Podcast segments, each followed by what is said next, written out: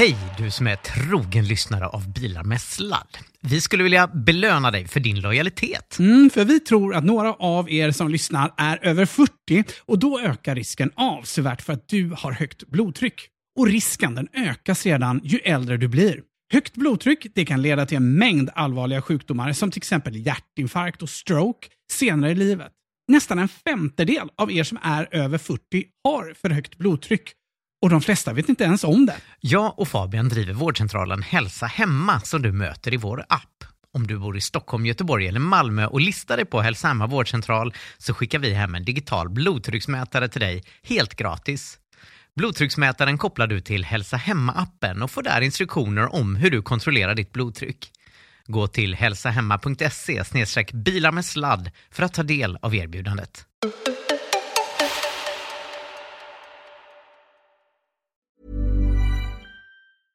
Hiring for your small business? If you're not looking for professionals on LinkedIn, you're looking in the wrong place. That's like looking for your car keys in a fish tank.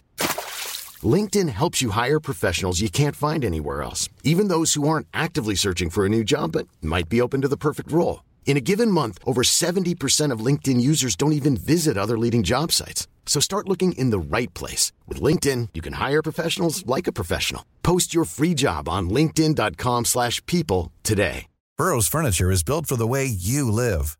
From ensuring easy assembly and disassembly to honoring highly requested new colors for their award-winning seating, they always have their customers in mind. Their modular seating is made out of durable materials to last and grow with you.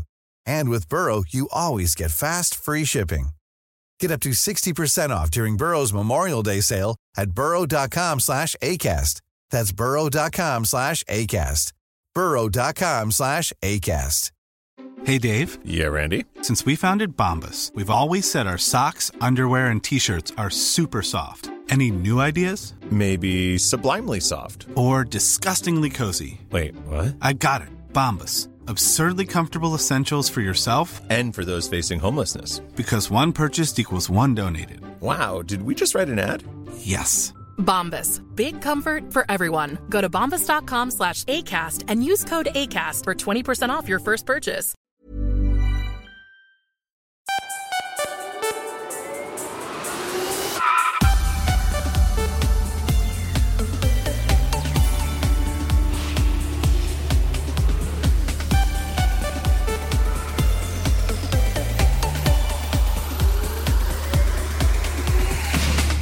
Vecka spelar vi in podden live från Svenska Mässan i Göteborg där E-car Expo utspelar sig. Härifrån kommer vi rapportera elbilsnyheter, prata reduktionsplikt och så får vi höra om Tesla Semi. Nu är ellastbilarna här på riktigt. Allt detta och mycket mer i Nordens största miljö och elbilspodcast. Bilar med sladd. Mm, välkommen till Bilar med sladd, Nordens största podcast om elbilar. Ja, och eh, faktiskt Nordens största teknologipodcast också, också sedan något år tillbaka. Ja. Vi står och berättar det här för liksom alla folkmassor som har samlats för oss. Nu tar vi Ja, det lilla lugna. De kommer, de kommer, de kommer. Ja, Det ja. är flera trevliga lyssnare som har gått fram. Titta, titta, här har vi en. Ja, nu är de här favoriterna. Ja, vi brukar ju normalt sett spela in eh, från studio, men nu är vi här på Elbilsmässan i Göteborg där vi är live. Vi var live också tidigare i våras. Ja, fast då blev det ju ingenting Ja, live. På grund av att somliga menar att eh, det var mitt fel. Ja, det var det också. Ja, till och med du själv har väl nämnt så, tror jag.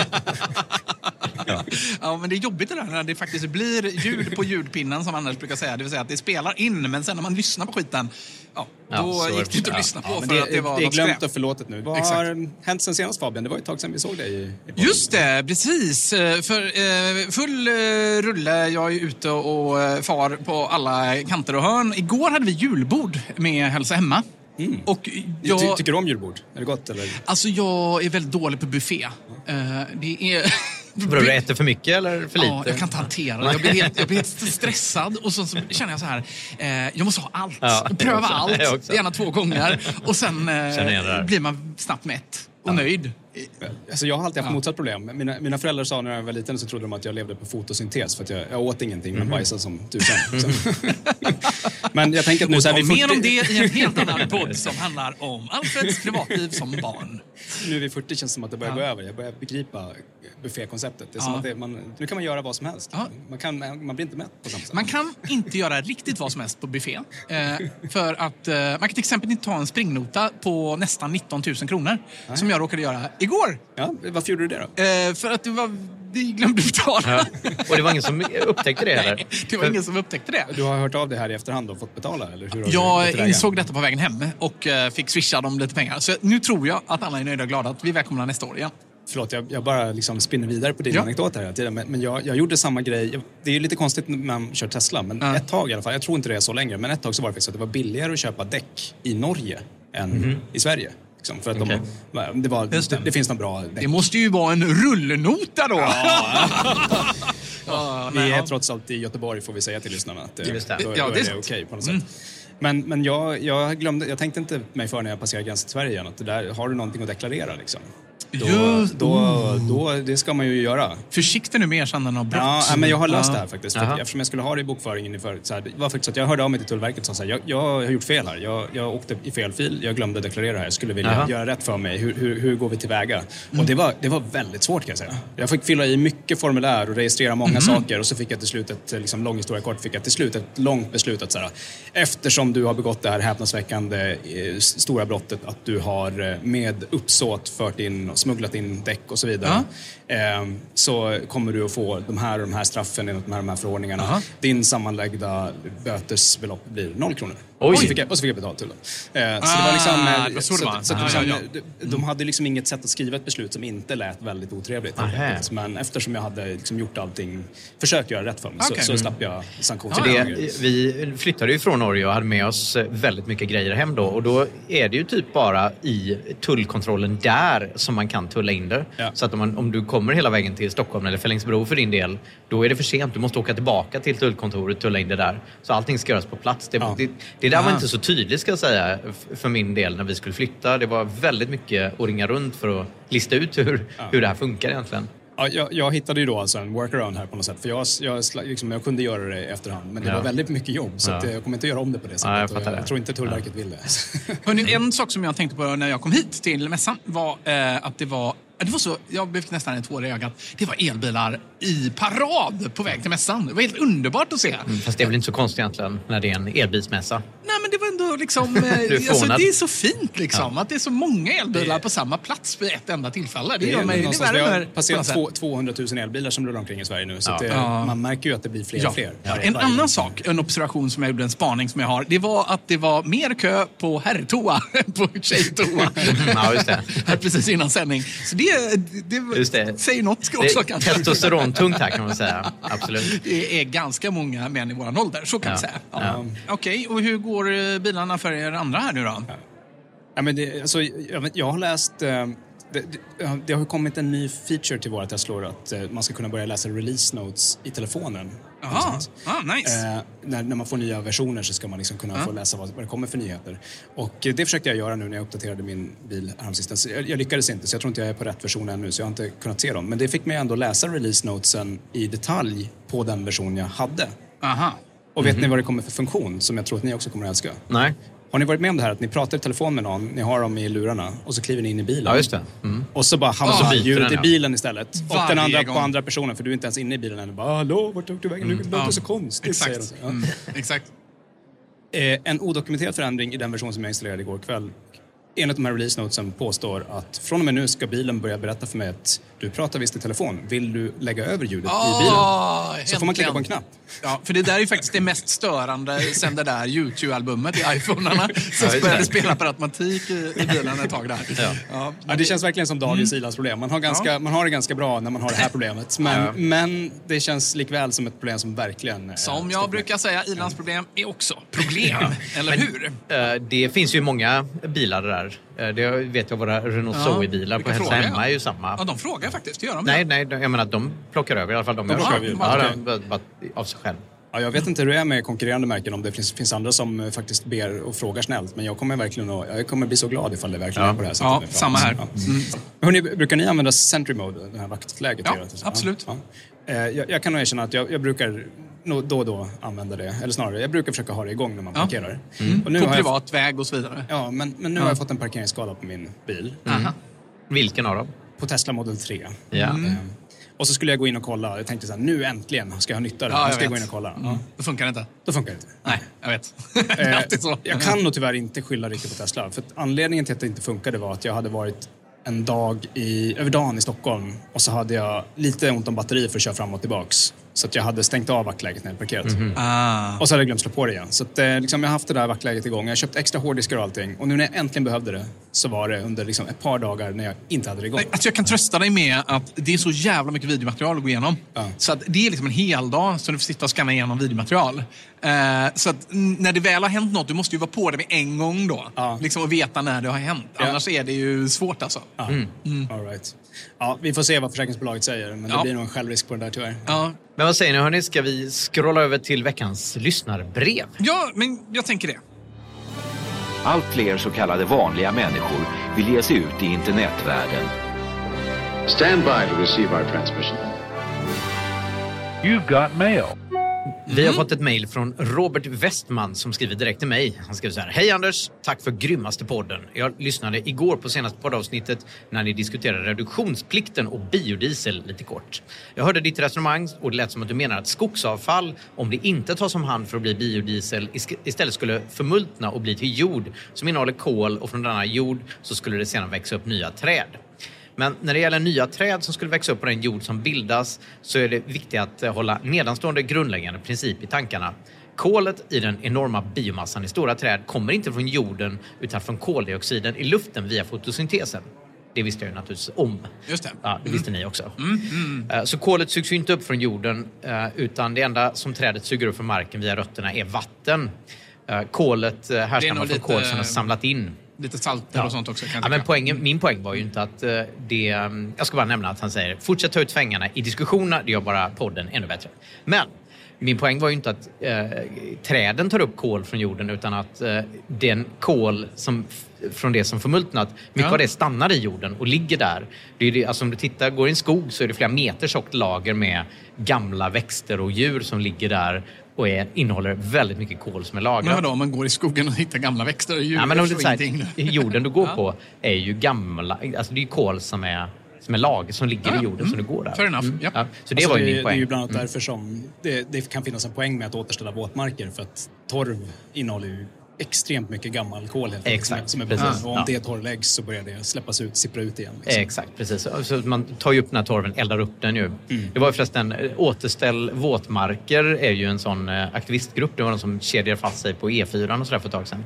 Ja, och det kan man ju tycka vad man vill om. Liksom. Men det, Mm. det, är ju, det, de, det de försöker åstadkomma det är ju en väldigt billig och effektiv klimatåtgärd. som är precis detta. Våtmarker. Och, men eh, vi har fler brev på, på samma tema. Eller framför allt så eh, har vi fått ett foruminlägg riktat till dig, Alfred. Ja, jag tycker det, det, det är roligt. Lyssnarna märker här hur Anders gör när han väljer ut vilken feedback. Han, han tar tack för grymmast podden. Så här, så här, det här tar jag med. Så här har man skrivit om, om eh, oss och kanske framförallt mig då. Det är de mejlen du får? Eh, ja, det här är inte ett mejl. Det här är alltså från, från eh, forumet Jaha. på Tesla Club Sweden. Ah, ja, kul. Man häpnas över den obegåvande analysen av reduktionsplikten i senaste podden. Låt vara att vanlig media har svårt att analysera, men hade väntat mig mer av podden. Det är ju ändå en positiv sak. hur? Han hade väntat sig mer av oss. Mm. Ja. Du är så himla positiv. Reduktionsplikten drabbar bara bilägare utanför storstäderna som inte har alternativ till bilen. Är det rimligt att föra över ansvaret på dessa medborgare för att lösa klimatproblemet medan storstadsborna eh, kan gå vidare helt oberörda? Men får jag pausa där? Varför skulle det bara drabba folk utanför? Ja, men hans resonemang är väl att eh, man är betydligt mer bilberoende i glesbygd än i storstad eftersom Ja, man jo. inte kan byta till kollektivtrafik lika lätt. Ja, Eh, och så som jag tolkar det också att inkomsterna är betydligt lägre utanför storstäderna vilket innebär att de har inte råd att köpa elbilar i samma utsträckning som stadsbor. Ja. Sen kommer, det kommer mer här. Sen kunde väl Alfred ha tillbringat höstlovet hemma i Norrbotten och lyssnat på verkligheten istället för att flyga till Cypern. Hyckleriet når nya höjder. Aj, aj, aj. Vet ni vad? Jag har planerat en resa till Australien så att, Ja, eh, jag det- ska ju verkligen äh, backa långsamt ut i rummet här. Ifrågasätt varför det inte införs klimatzoner. Till exempel förbjud alla fo- fossilbilar innanför tullarna. Där har vi åtgärder som träffar mer exakt. Mm, Det är ju på gång för övrigt. är det har, ju, rätt det har faktiskt ledningen i Stockholm eh, föreslagit. Är Precis det. För det, det är ju, ger ju verkligen klimatnytta lokalt också. För det är jättemånga som dör av dålig luft i städerna. Men jag, jag, tycker att, eh, han, jag tycker han är på något viktigt här. Jag tycker vi hade en lite för enkel analys förra gången. Eh, vi, vi, Anders gav sig så snabbt. Han, han, du, du kände dig inte riktigt i form förra gången. Så att, Nej, vi, jag vi, tyckte, vi tänkte precis, inte likadant. ja. Men, men det var som att jag fick inte ens dra mina argument därför att du hade inga motargument. Nej, men nu, jag. Så- jag, alltså, jag var lite småsjuk tror jag. En, en kollega hade lurat i mig en sån här... eh, vi går och gymmar, det har jag berättat om Ja, tidigare. ja. Gymmar tre dagar i veckan Det är mycket prat Ja. om det här gymmandet. Ja. Alltså. ja, men jag, nu lyfter jag 65 kilo. Kan. Men Anders jag- gymma? Har det, det hänt bara- att Anders 50 bara gymmar? för någon vecka sedan. Ja, det går fort alltså. det går fort. Det är lite så här Schrödingers gym. Att om man inte pratar om att man har gymmat så har man, har man då gymmat. Ja, men min kollega lurade i mig någon sån här eh, pulver då, Ja. magiskt pulver som han har köpt från en e-handelsbutik i Thailand. Eh, Som skulle vara fullt lagligt. Så. Nej, det hade han inte gjort. Nej, jag skojar Fabian. Fabian jag rynkte på näsan. jag, Ja. Precis, jag skruvar lite på mig. Ja, nej, men jag drack den där i alla fall och mådde så sjukt dåligt efteråt. eh, Så att jag fick stanna bilen och bara hem, chippa efter andan och så. Så att det satt i några dagar. Jag hör väldigt mycket ursäkter här. Men eh, ja, ja, ja. Mm, Men det var moving direkt efter det som jag lyfte 65 i alla fall. Mhm, Okej, och det var det värt då? Men- nej, det var det inte. Men jag tänkte, jag tänkte helt enkelt, vi gör så här. Vi, vi, vi, jag tror vi släpper flygskammen. Jag, jag har ganska mycket flygskam måste jag säga. Så det var något av en kompromiss i min familj att det här med att flyga till Cypern. Men, eh, men eh, ja, de vill inte åka på elbilsemestrar i kontinenten mer, mina tonåringar. Ja, nej, för egen del har jag sån eh, otrolig... Det är ju inte jag som planerat den här resan. Och eh, jag har sån jävla FOMO så att jag... Om jag inte åker med så vet jag att jag eh, liksom in, inte kommer känna mig nöjd. Men eh, någon bättre ursäkt än så får jag ju inte ur mig. Nej, nej.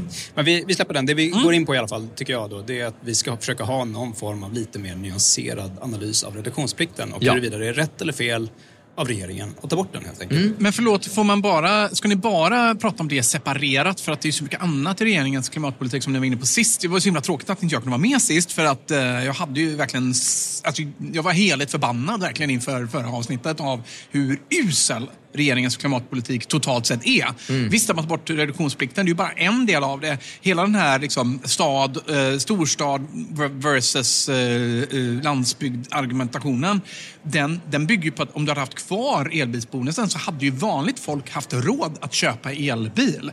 För den, liksom, den underlättar ju för det. Men nu då tar man bort den, men man behåller stora delar av den riktiga subventionen som bara är ganska dold. För den ligger ju på att man sänker förmånsvärdet. Och det är ju bara oss eh, rika knösar med aktiebolag och så som, som gör det. Man kan ha enskild firma faktiskt i och för sig. Men, eh, men, men ni förstår poängen. Ja, men företagen får ju också de där 70 000. Man tappar ju också de 70 000 i elbilsbonus. Ja, men det är ju den lilla delen eh, som företagare kan jag säga. Den stora delen har varit förmånsbeskattningen som har varit De har, ju, väldigt de har ju fördelaktig. steg för steg försökt ändra på det systemet så Ja. det ska bli lite mer likvärdigt och det är inte Ja. alls lika överlägset lönsamt som... men så vad gör de då för att stimulera för att folk ska gå, vanligt folk ska kunna gå över till elbil?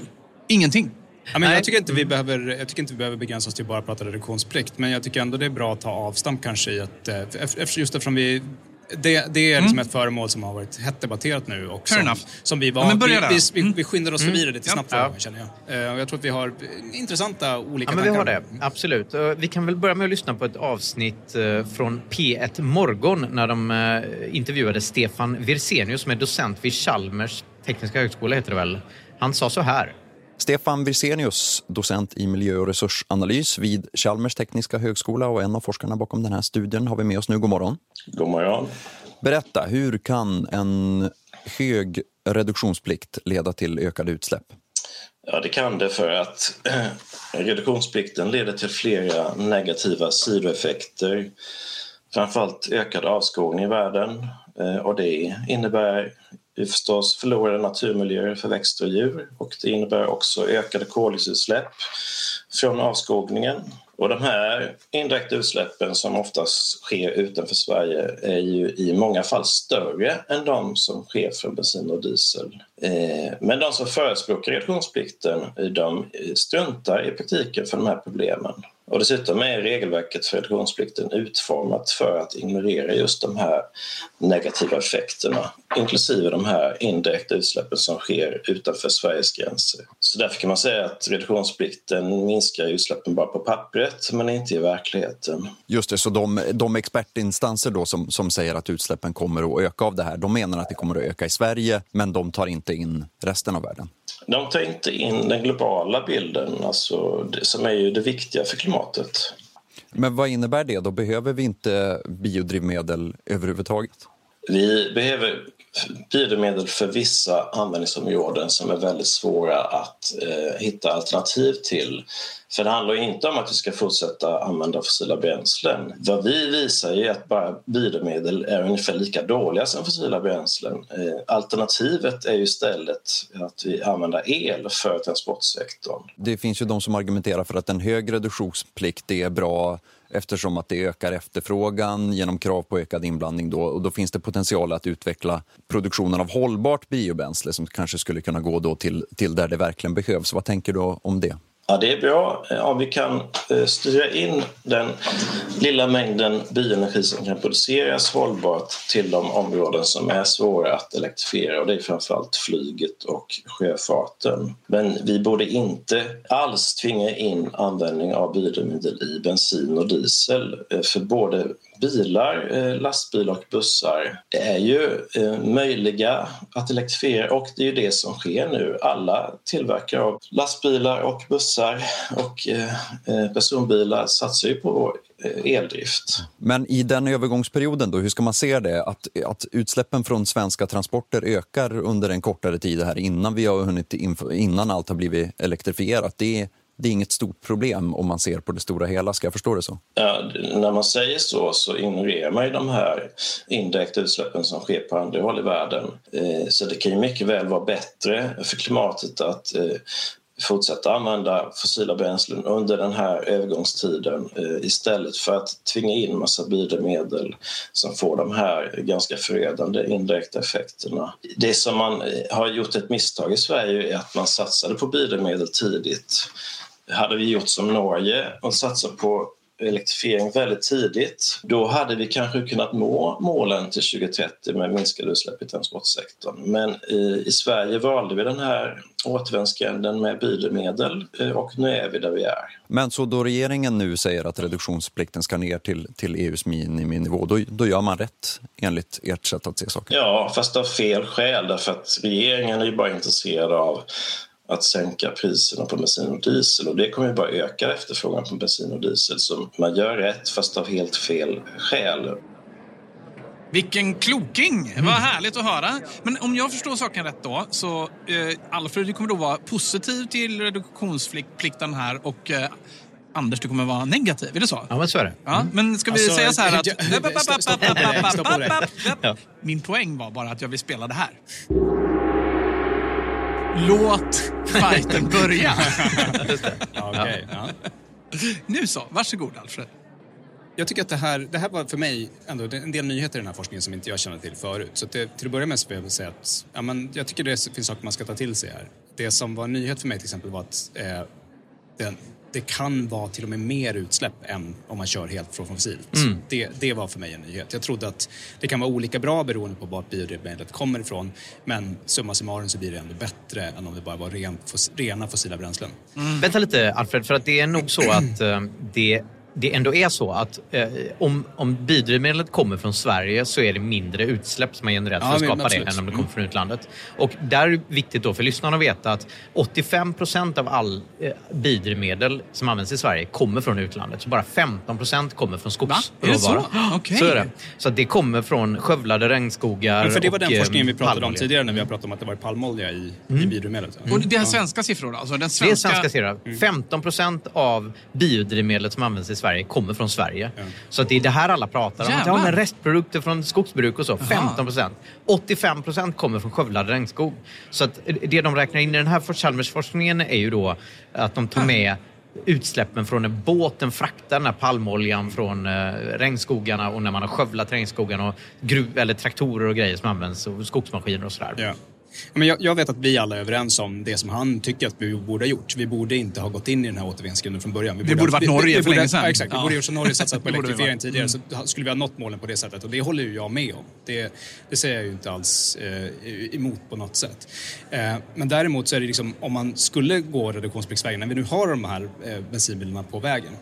Eh, om man skulle gå reduktionspliktsvägen, så de som är för det, Mm. de tror ju inte, tycker inte att vi ska fortsätta importera 85 procent. Utan de, de, det är ju en svensk industri som är under uppbyggnad att kunna sälja biobränsle. Mm. Och även den här forskaren själv, vad är det nu han heter? Eh, Stefan Wirsenius. Ja, precis. Ä- även han själv ser ju en applikation inom framförallt flyg och Ja, sjöfart absolut, där det ja. behövs. Mm. Ja, ja. Och jag skulle ju egentligen tycka att det kunde vara en ganska bra industri för Sverige att vara ledande på. Att sälja bättre biobränsle till de applikationerna som inte går att elektrifiera. Men Mm. elflyget då?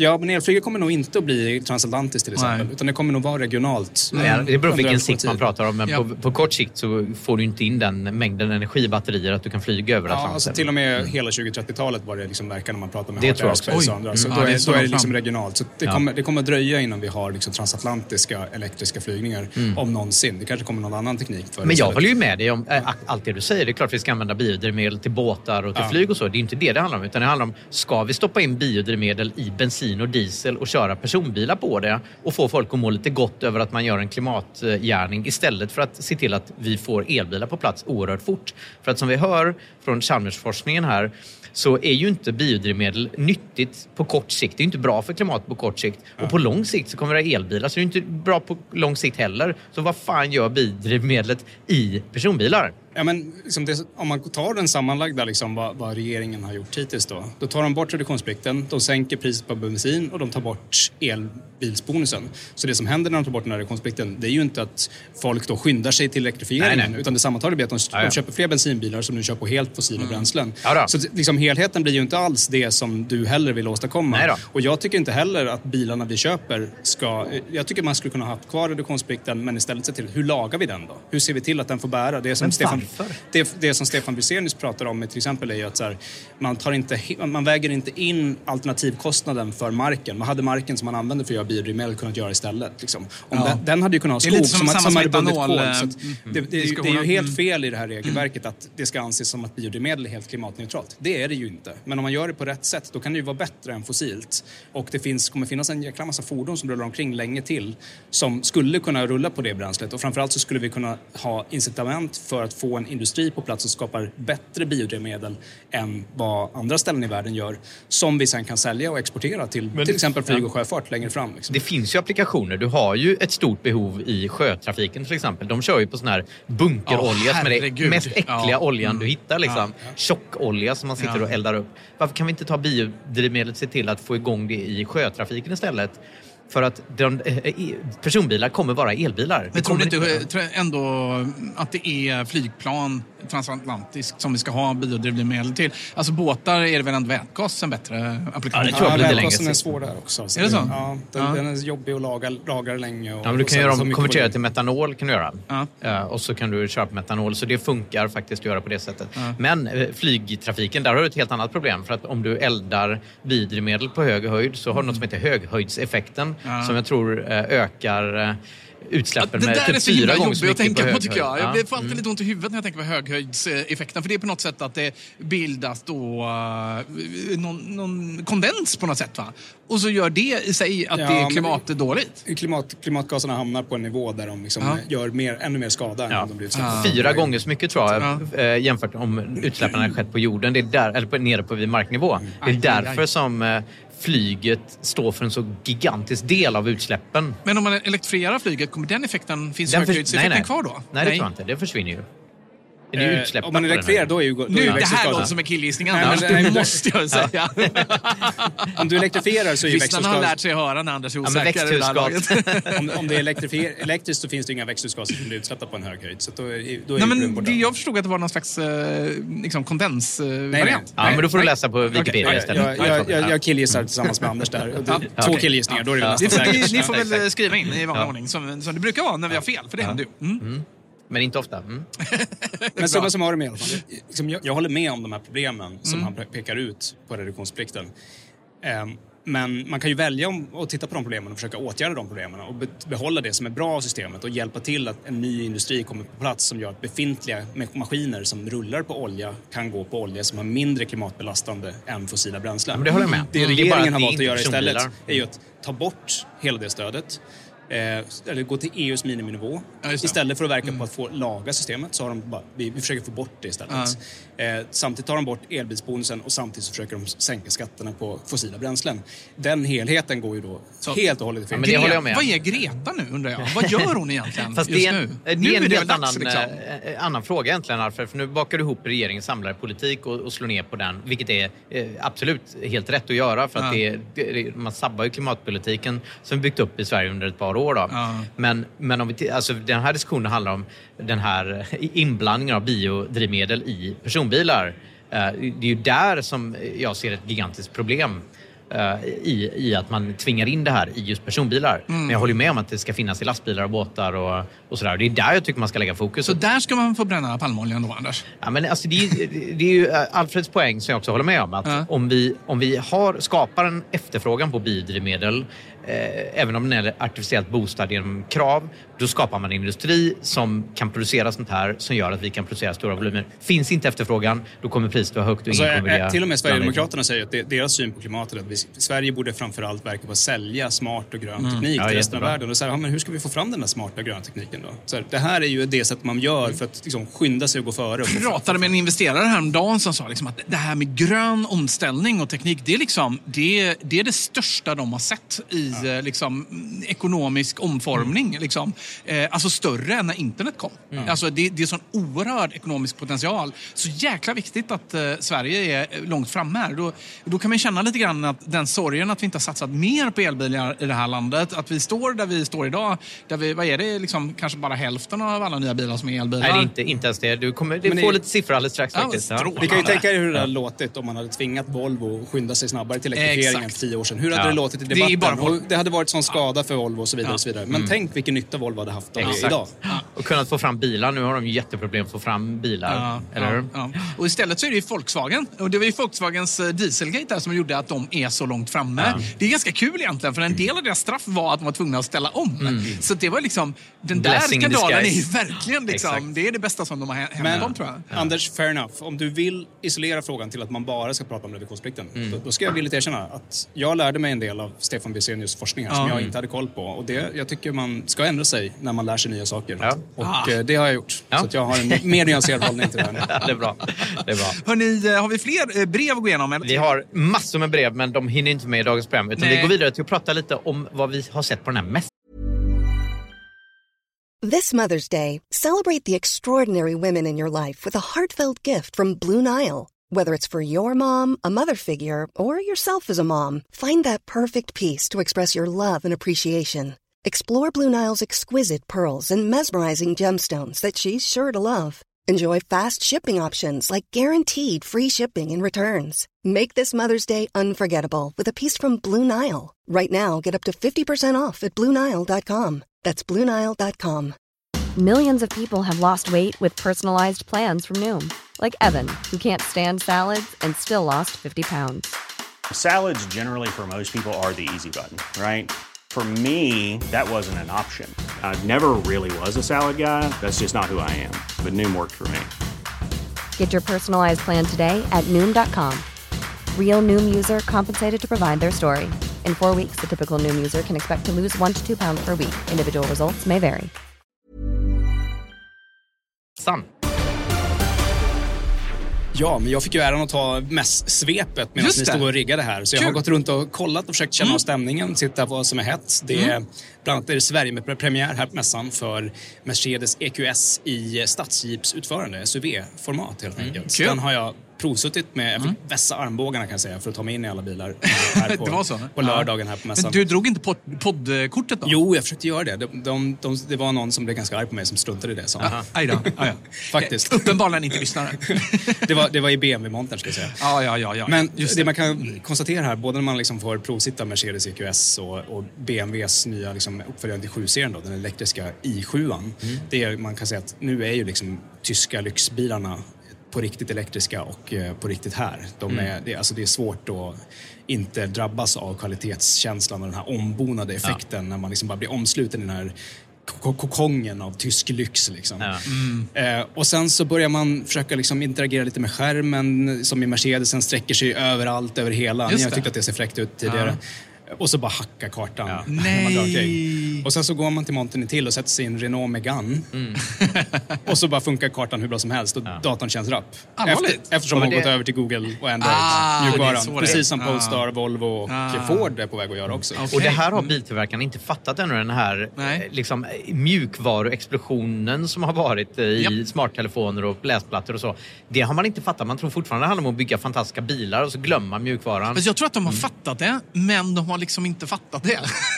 de har... Ja, de har fattat det men de har inte vågat omfamna Nej. tanken att så här, tusan, vi kommer nog inte lyckats, lyckas gå igenom Ja. identitetskrisen att bli ett mjukvarubolag. Japp. Eh, det, är- det är ju samma liksom, eh, stålbad som telefonindustrin gick, om, gick Mm. igenom för, för ett gäng år sedan. Mm. Nokia Ja. hade väldigt svårt att acceptera att de skulle släppa mjukvaran Ja, till Google. det. Mm. Liksom. Alltså- de försökte in i det sista. Lyssnarna ska ju veta hur mycket vi Tesla-ägare kan stå ut med med knakande dörrar och eh, felplacerade paneler och eh, lack som rostar.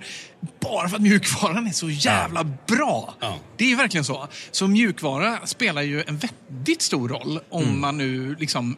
Alltså det, är, ju- det är ju så vi interagerar med våra bilar. Ja. Men gå bort sen och titta på Nio som vi pratade om i ett tidigare program. Ja. Känn på den, eh, för det tror jag är egenutvecklat. Det är ingen Android Det, eller så det är väl den. liksom bra poäng att göra. Jag lyckades inte klämma på skärmen i Nio som också har en ny eh, version här. Jag tror ET7 som den heter. Som Ja. är stora, Ja, det var den jag stora provkörde. sedan. Det var den som Ja. du provkörde som vi har pratat om. Men Den var väldigt populär. Det var svårt att tränga sig in i den faktiskt. Mm. Så det, det är väl också liksom, det är bara hugget ur stunden liksom, att just då var det trångt. Men, men det var mycket folk runt den Ja, men det bilen. har också hänt en annan grej som vi pratade sist. Kommer du ihåg vi sablade ner deras prenumerationsmodell? Ja, Den släppte det. de för några veckor sedan och Ja. nu går det att köpa de där bilarna istället. Okej, så Ja. de, har, de har övergett tanken. De har övergett tanken på blir- att hyra ut dem. Ja. Och Så hur det, blir ska det man inte kunna hyra alls? Blir det bara köp nu eller blir det Nej, både de, och tag nej, de jag tror man kan hyra, hyra fortfarande men det Ja. var väl ingen som ville hyra så att nu kan man köpa bilarna. Och vad händer när man ska åka in en batteribytesstation då? Undrar jag. Eh, Vems batteri får man då? Ja, men man kan nog hyra batteriet, man kan köpa batteriet. Det är lite oklart faktiskt tror jag. Men om Eh, man har ett köpt batteri och så åker man in en batteribytesstation. Ja, jag tror vi får kontakta dem och fråga hur, Ja, hur det vad, är vad som händer med Ja. ditt batteri där. Ett annat kinesiskt märke här som eh,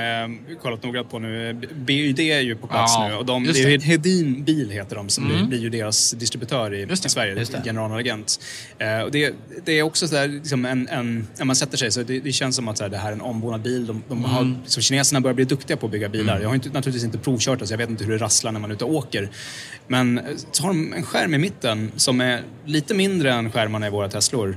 Men så finns det en knapp som man kan vrida på den. Så att man trycker på knappen och så bara liksom, går skärmen från portrait mode till, Va? från landscape Ah. mode till portrait. fysiskt att hela skärmen... Motoriserat Ah. så bara vrider den sig. Ah, Samsung har ju en sån TV som, är så, som faktiskt Ja. är, är, är som snurr för att man ska kunna ha liksom, Instagram och så och skärmdelar från sin telefon i landscape och eh, portrait mode. Mm. Men hur ofta känner ni att det är, den är Ja, felorienterad? men det, det roliga är att det Tesla vill började med, Tesla Ja. Började med skärmar i de här portrait, stående skärmar. Ja. Och sen bytte ju Tesla till liggande skärmar. Så då vet ju inte de här som håller på och kopierar, vad, vad ska de göra ska göra? Ja, liksom? exakt. Det följer det temat. Ja, liksom, extra allt i kinesiska bilar. Jag älskar det. Liksom, va? Vill du ha en luktpatron i din bil? Jajamensan, kan lukta eh, liksom, Wunderbaum. Inga problem. vi har Tryck varit på den det tidigare. det, liksom, det, det är ju så när man är i Kina på plats också. More is more Ja. i Ja, Kina. verkligen. Liksom. Men det, det, det som de inte däremot har hunnit få på plats, trots att de har den här skärmvridningsfunktionen, det finns fortfarande ingen navigation i bilen. Va? Va? Okej. Och det, det ska man nog säga, det är nog bara en begränsning i den europeiska mjukvaran Aha. ännu. Och det, det, det, Hedin Bil säger att så här, det här kommer att finnas på plats via mjukvaruuppdatering innan kundleveranserna. Så det, det kommer att finnas, säger de. Okej. Men det säger bara någonting om prioriteringarna möjligtvis. Ja, men det är skoj med kineserna för att de, eh, det har ju, marknaden har varit ganska stängd för dem tidigare i Europa. De har ju försökt ta sig in under många, många, många år utan att komma in på den europeiska Alltså, jag har marknaden. ju funderat flera gånger på att liksom leta upp alla de gånger Anders har sagt att kineserna kommer aldrig komma in på den europeiska bilmarknaden. De kommer vara uteslutna. de kommer liksom Han har ju redan ändrat sig. Han, han försöker Ja, bara inte låtsas om det där Ja, ja, längre. men jag måste ju ändå vrida om kniven lite då. Ja, men alltså, nu när kineserna väl... Alltså det här är ju helt rätt tidpunkt att göra det. Ja. När det sker en stor disruption av marknaden så är det ju nu de, de inser att nu kan de knivas in här. Ja. Och det gör de ju verkligen på stor front. Och det ser man på mässan också. Massor med kinesiska bilmärken här. Ja. Annars eh, tycker jag snabbt intryck. Vi har ju pratat om Polestar 3 i ett tidigare avsnitt och vi Just var ju inte helt nöjda med utseendet på den. Nu har du sett den i verkligheten då? Den är här på mässan. Eh, Kul. Gå och kolla på den om ni inte har gjort det. Men inte det, jag måste säga att den är, den är snyggare på riktigt. Den är det? Ja, jag håller på att svänga lite grann om vad jag tycker om utseendet på den. Ja. Cliffhanger. Okej, Ja.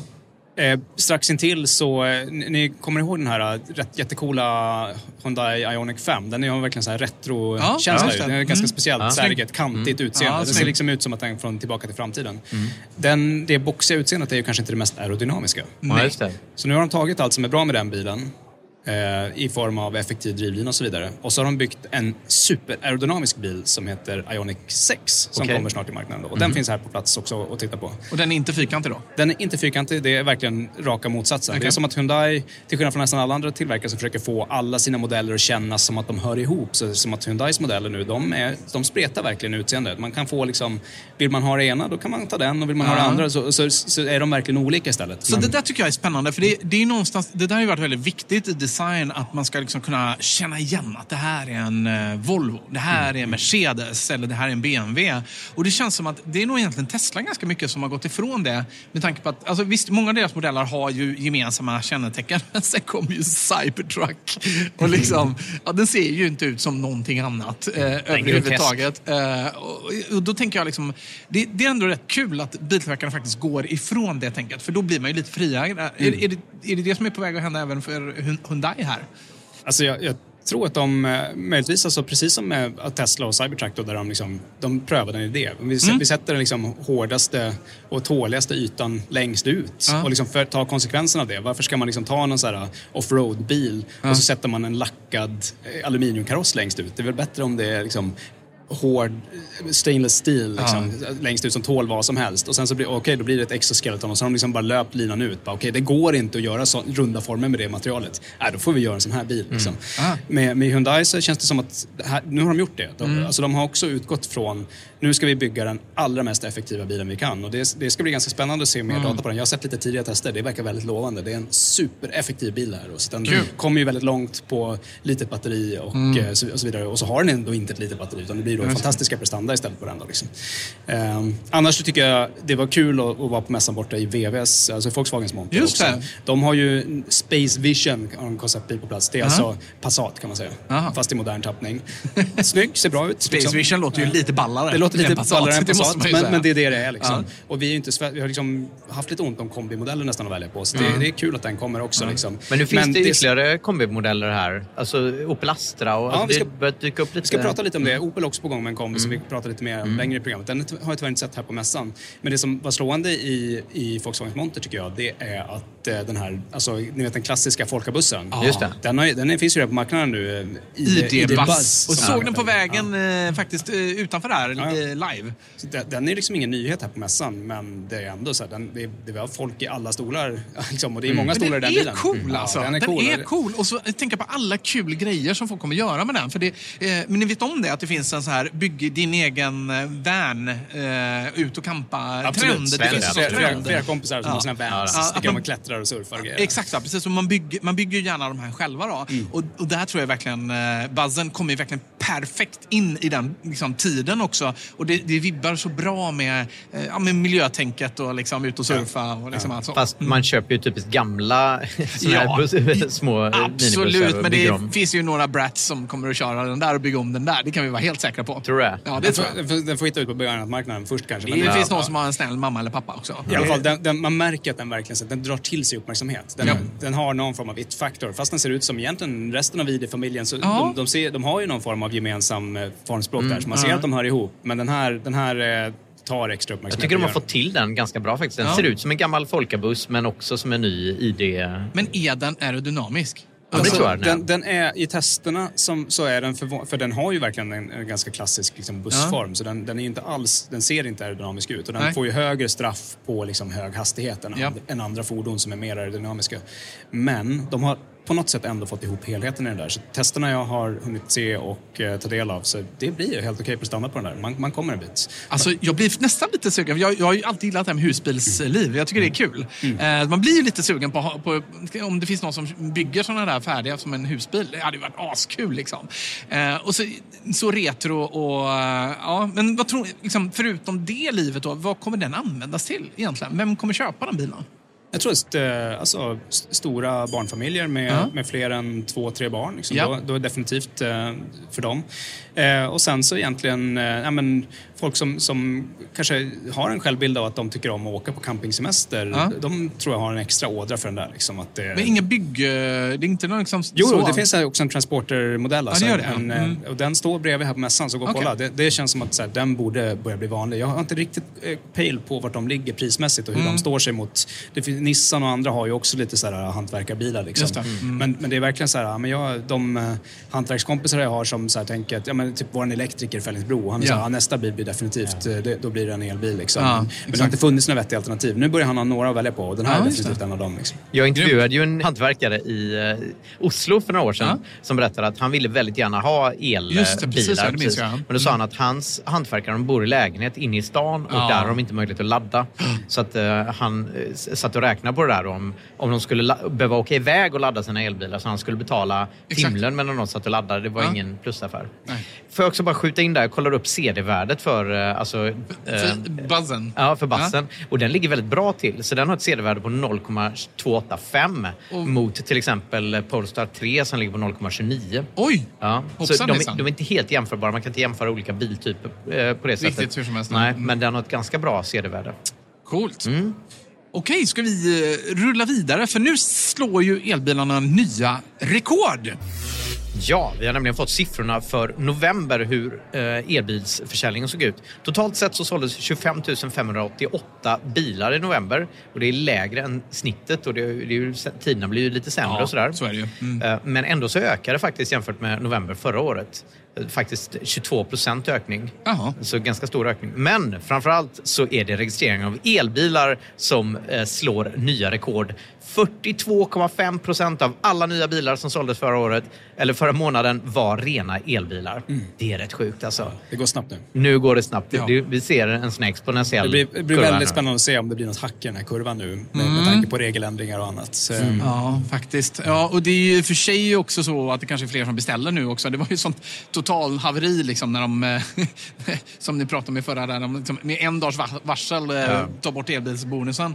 Så att det är klart att det drar ju upp siffrorna också. Men, eh, men har det, är det med de siffrorna förresten? Um, nej, det är inte det. inte är det det kommer vi inte se Nej. förrän de levereras. Utan det blir i vår som vi Ja, ser just det. vilken effekt det har. Det. Men eh, det vi ser i alla fall är att eh, de här eh, problemen med komponenter fortsätter att eh, vara ett problem. Och det som håller nere, ändå 42,5 procent är ju jättemycket, Ja. men det som håller nere är just bristen på komponenter, att man inte får fram tillräckligt med Aha. elbilar. Så att det är fortfarande större efterfrågan än utbud på Och elbilsmarknaden. det håller uppe priset också förstås. Jag tror, liksom, jag tror att bilbranschen kommer gå genom ett riktigt stålbad nu. De kommande två åren kommer bli så svettiga. Därför vi kommer få lågkonjunktur som kommer dra ner Ja. försäljningen totalt. Och fortfarande så kommer det vara en utbudsbrist på elbilar, tror jag. Mitt På batterier. krisen. Ja, exakt. Vilket, vilket liksom kommer ju, alltså förstärka problematiken ännu mer för just de som har varit sena i omställningen. Ja. Nu kommer marknaden krympa och samtidigt kommer de liksom det som kommer finnas ett överskott av då är Ja. naturligtvis förbränningsmotorbilarna. Ja. Så att, eh, jag håller på att förbereda lite spännande.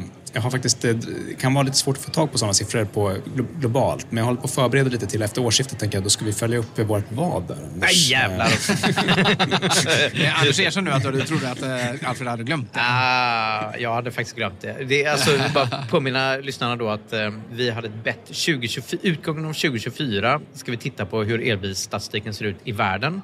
Och då tror eh, du Alfred att eh, Jag Tesla... trodde tidigt att Tesla skulle förbli den största elbilstillverkaren. Du trodde att Volkswagen skulle komma igång Mm. och komma om i kraft av att de är en större tillverkare. Att de skulle kunna precis. komma om i volym. Liksom. Mm. Det, tanken måste du ändå hålla med om är logisk.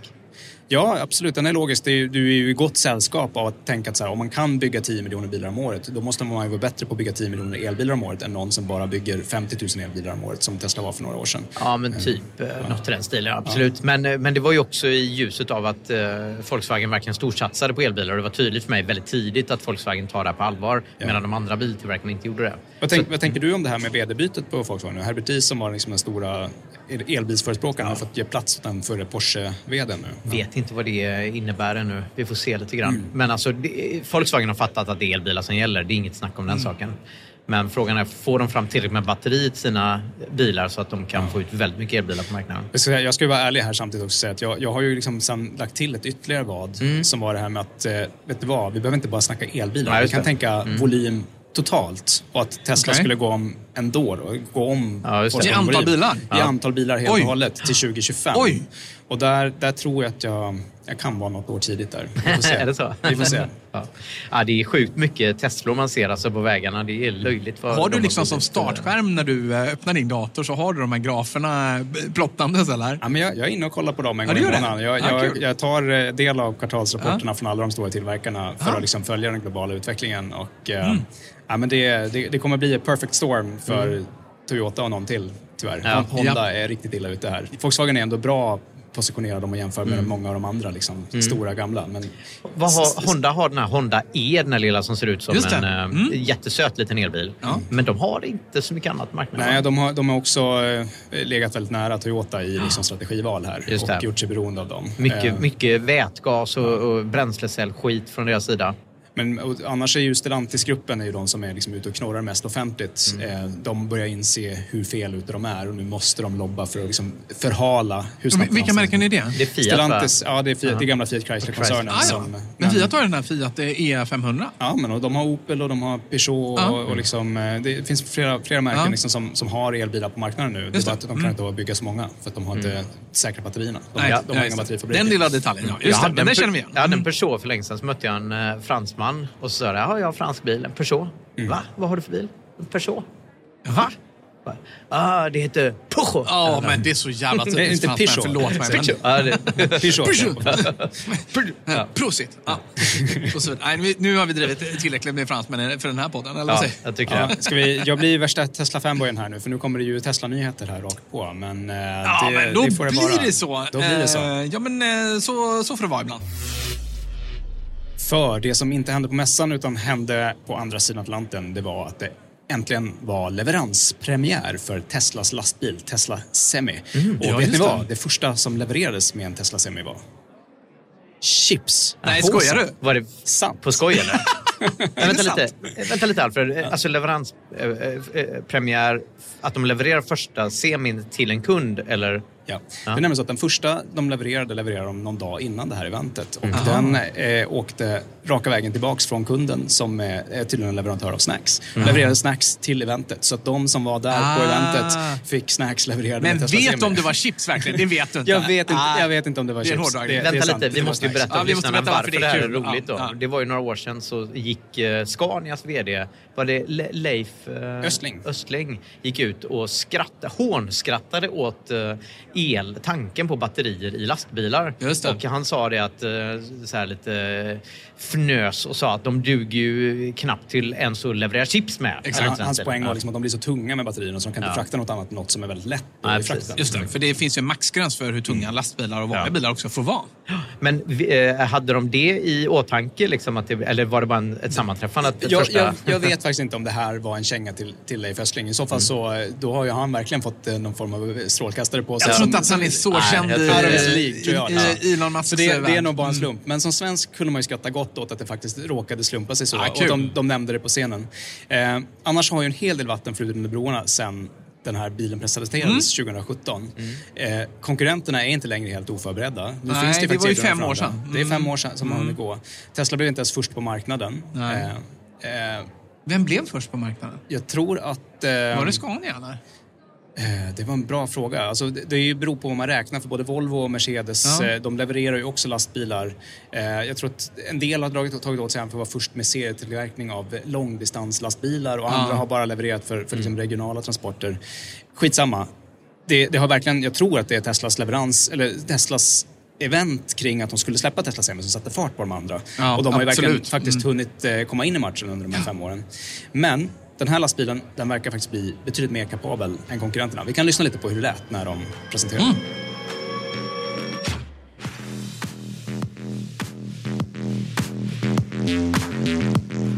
All right, welcome to Sparks, Nevada, uh, site of the Tesla Gigafactory and our Tesla semi truck uh, factory as well. So, uh, yeah, I can't believe it's been five years. We, we, we unveiled the Tesla semi uh, five years ago. Um, it's been a lot that's happened since then, to say the least. So, we're incredibly excited tonight to actually deliver our first production Tesla semi trucks. So uh, you people might wonder why build a semi truck. Uh, it's actually 20% of U.S. vehicle emissions because you, have got a huge vehicle and it's being driven uh, all the time. So when you factor in the, the number of hours driven and the, the weight that it's carrying, it's actually, although it's only 1% of vehicle production, it's 20% of vehicle emissions. Uh, and it's uh, over a third of, of all the particulate emissions. So from a sort of health standpoint, particularly in like cities, this is a huge uh, impact, like gigantic. So um, that's why we're doing it, you know. So, so yeah. Ja, jag, jag valde faktiskt att hugga av honom där, för i vanlig ordning så var Elon ganska stapplande på scenen. Sådär. Man, man, jag har klippt bort ganska mycket um, ja, mm, äh, här ändå. Kan men säga. han stammar ju faktiskt lite vill jag Ja. påstå. Det är inte alla som eh, går med på det, men jag tycker att Elon Musk stammar. det är min åsikt. Han, han tänker Ja, noggrant. doktorn. Ja. I alla fall, om man sammanfattar lite vad de här lastbilarna som de börjar leverera nu. De ska Mm. börja leverera ett hundratal här i, redan i december nu. Framförallt Pepsi som ska få sina lastbilar. Eh, och sen så ska de eh, skala produktionen och under 2024 så ska de upp i att leverera 50 000 lastbilar om året. Och det de ska leverera då, en lastbil som helt enkelt kör 800 kilometer. Oj, praktisk 80 räckvidd. mil. Så 80 mil på en laddning. Och Det det, är är, alltså sjukt. inte då 80 VLTP-mil eller något sånt där. Nej. Utan det är 80 riktiga mil. Jaha. Upp för en bergskedja med full last och ner på andra sidan. Eh, och komma fram ett par procent kvar. Så de, de, de har helt enkelt en, de har spelat in en demonstrationskörning med full last där de gör det här. De, Ja, det, de ger sig av med så här Mm. 95 procent batteriet, kommer fram med 4 procent och, och har, liksom gjort hela. Så det, det betyder att om man kollar på vad den är ratad range, då kommer det vara ännu längre helt enkelt. Mm. Det kommer vara ännu mer. Men, det, Men, så, eh, alltså det är intressant för att du får inte ens köra 80 mil väl som lastbilschaufför utan De du tog behöver väl ju till och med en vila paus. emellan. Ja. Mm. Ja, absolut. Och det, men de här har helt enkelt stannat på vägen, men också laddat. Sen så är det ju det här i USA där det är, jag vet inte exakt hur det amerikanska regelverket ser ut, utan det är ju i Europa Ah. som har det här fyra timmar. Eh, Men är det inte lite overkill att köra 80 mil? Ja, men det det innebär är ju att då kan man helt enkelt, då behöver man inte vara beroende på att på alla delsträckor man ska Nej. göra en leverans på så måste det finnas någon form av snabbladdare längs med vägen. Utan då är det i Mm. princip så att ja, men de allra flesta leveranser då kan du, bara, du kan ladda bara, bara vid utgångspunkt och vid destination Exakt. snarare än att du ska stanna och ladda på vägen. Ja. Vilket kommer att kunna accelerera hur snabbt man kan få ut den här på marknaden tror jag. Ja. Jämfört med om man också först skulle behövt få, få allt hela laddnätverket på plats. Ehm, Det är sant. Just det, precis. För det är ju ett helt nytt laddnätverk som kommer till där också. Det blir ju något i hästväg. Ja. Jag sparar den tanken, för det kommer lite mer på det Ja, temat jag kan tänka mig snart. det. Jag, Jag- tänker på en annan detalj här också. Att när man pratar om ellastbilar som har så här 30 mils räckvidd eller vad det är. Då, då tänker man att den är 100% fulladdad när du startar och Ja. sen att du laddar den till 100% fullt. Men Mm. det tar ju lika lång tid på en ellastbil att att fulladda ett batteri som på en personbil. Och så kör man ju inte. Det har vi pratat om många gånger i programmen. Mm. Utan man kanske fyller det till 80%. Just det. Och då är ju då kanske du- har du 20 mils räckvidd på en lastbil, då är det lite kort. Så det finns en, den anledningen också till Ja, att du vill ha ett betydligt större batteri än Ja. vad du får lov att köra. Ja men exakt. Och Det, det de har gjort här då också, det, om man skulle ha en sån sträcka, delsträcka där man vill köra ännu längre då än, Mm. än 80 mil så att man vill stanna och ladda. Då är det helt enkelt så att man kommer kunna ladda den här lastbilen till 70% på en halvtimme. Så det betyder att man kan alltså få 60 mils räckvidd ungefär. Ja. Eh, inom, på bara en halvtimme. Och det vi vet att man, ska behöva, man behöver ta en paus var fjärde timme, måste man vila i 40 minuter. Eh, och på de där fyra timmarna man ska köra 80 km i timmen, då kommer man bara 40-45 mil. Så man kan märka att Ah. här finns det verkligen marginaler runt att så här, det var lite kö eller så här, jag hann inte ladda allt jag ville. Så här, det, finns margin, det finns padding på något sätt runt den teoretiska rytmen. Liksom. Så det, Mm. det, det ser, liksom, på pappret ser det ut som att den här bilen kommer verkligen på en gång att klara alla applikationerna. Eh, Men hur är det med så här, för man pratade tidigt om att den skulle ha Model 3-motorer och sådär. Kommer den orka upp för eh, uppförsbackar om den är fullastad med Eh, tung, tunga grejer och sådär? Ja, här har de alltså då byggt en drivlina som är eh, den har mest gemensamt med vad som sitter i nya Model S och X Plaid. Så den, har, den har tre motorer. Eh, Två av de motorerna kan frikopplas helt och hållet. Så att, eh, Nej, det får du förklara, jag fattar inte. Jo, men de, de har tre motorer som kan hjälpa till att ge mycket kraft. Vilket gör att den när den behöver i uppförsbackar eller vid acceleration kan få tre gånger så många hästkrafter som Ja. en konventionell lastbil. Men sen för att få den att rulla så effektivt som möjligt, då vill man helst inte bara ha motorerna att de också måste rotera när hjulen rullar. Utan man kan frikoppla dem helt och hållet med en koppling då kan de stå stilla och bara vara helt inaktiva och inte kosta någonting i ökad friktion när man ska det. köra. Så på det sättet kan de få den att vara ännu mer snål då i Eftersom de har olika utväxling på olika motorer. Ja, då, då, då gör de så att de som ska, den motorn som alltid är ikopplad och som är tänkt att vara den som sköter liksom hela, eh, men he- hela framdriften när man väl är uppe i fart och bara ska hålla Mm. hastigheten på en plan motorväg.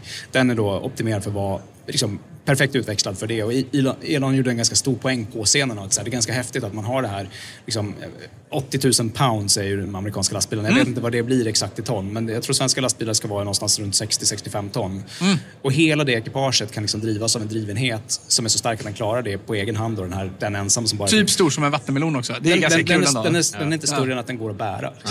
det är rätt coolt. Men du, vikten är ju relevant och det blir med så här mycket batterier. Om du ska ta 80 mil, ta dig 80 mil med en lastbil, fullastad lastbil.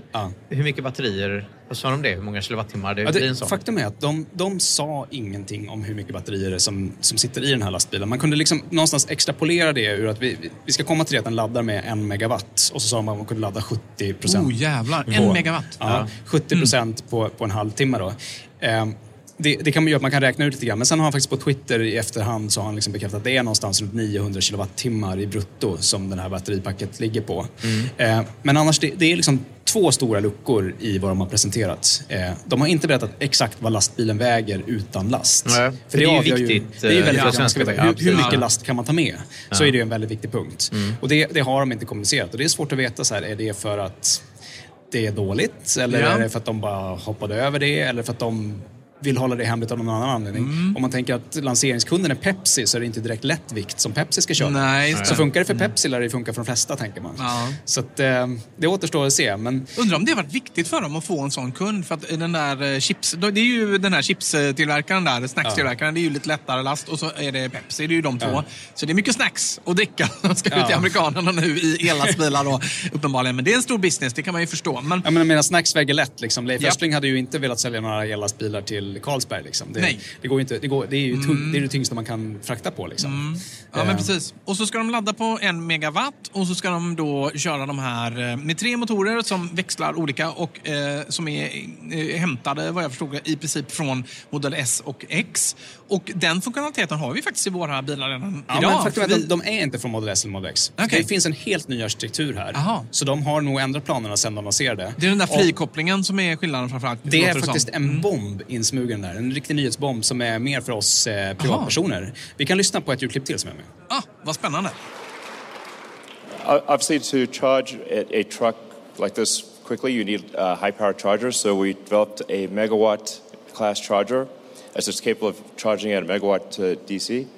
I mean, this is really cool stuff. I mean, we took, you're actually immersing the conductor in the coolant, this water based coolant that we have, and we're then doing some really neat isolation monitoring on the back end to ensure that it's safe and delivering that it needs to. But it means that we can really shove a lot of current in a very, very small place. So, you know, for those that have worked uh, and charged their cars on a V3 supercharger and the cable is nice and, you know, maneuverable, it's the same thing here, but now we're just shoving a megawatt through it instead. So, you know, this is key for high power applications like semi, but you want to tell them or do you want me to tell them? yeah, I mean, it's uh, going to be used for Cybertruck too. Yeah. So this is this is coming to our superchargers uh, next year. Yeah, yeah. Det som är bomben här alltså, Mm. helt enkelt. Eh, förlåt Fabian om jag hugger av dig. Nej, nej, men det är jag, bara, jag sitter och myser här. Det som är bomben här helt enkelt är att det, det blir inga speciella laddare för, för de här Tesla Semis. Eller de kommer säkert ha sina laddare vid liksom distributionsterminaler och annat. Liksom. Ja. Men deras laddare är egentligen bara Superchargers version 4. Japp. Och eh, första privatbilen som kommer dra nytta av det är också då Cybertruck. Och för att man ska kunna få en megawatt genom de här eh, laddarna som då har alltså samma laddkontakt som de befintliga Superchargers och lika tjocka sladdar så får man då gå upp i betydligt högre spänning. Så medan existerande arkitektur hela tiden har varit 400 volt och vi har pratat om att det finns en del andra märken som har gått Ah, på 800 volt. Så för att kunna få upp laddhastigheten så går Tesla nu tar hela steget till 1000 volt. Aha. Och eh, det hörde vi inte i klippet, men det kommer faktiskt bli så att de säger att efterföljande produkter kommer också vara 1000 volts eh, arkitekturen. Så förmodligen kommer så småningom hela Teslas lineup Mm. vara 1000 volts bilar, vilket gör att det då, även om man måste ha ganska stort batteri för att kunna ladda en megawatt i, i effekt, så, så kommer i alla fall alla bilarna ha det- möjlighet att ta emot väldigt mycket Är det det här som Elon menade när, när eh, man sa att ja, men 300 kilowatt, what are you referring to? Children's toys? Just det. är det, Antagligen va? så spanar de väl på det här redan Ja. då. Ja. Ja, men det här, det här har vi pratat om tidigare, att det är viktigt. Av någon anledning så valde man 400 volt i, i, tidigt i elbilsarkitekturkretsar och alla som bygger komponenter till elbilar har, Ja. har byggt in sig i 400 volt-systemet. Men det är egentligen ganska dumt att göra det, att använda bara då 400 volt, Mm. även om 400 volt är mycket. Men anledningen till det är att när, för att få, få veta vilken... Alltså jag blev lite nyfiken. 400 volt är mycket i relation till...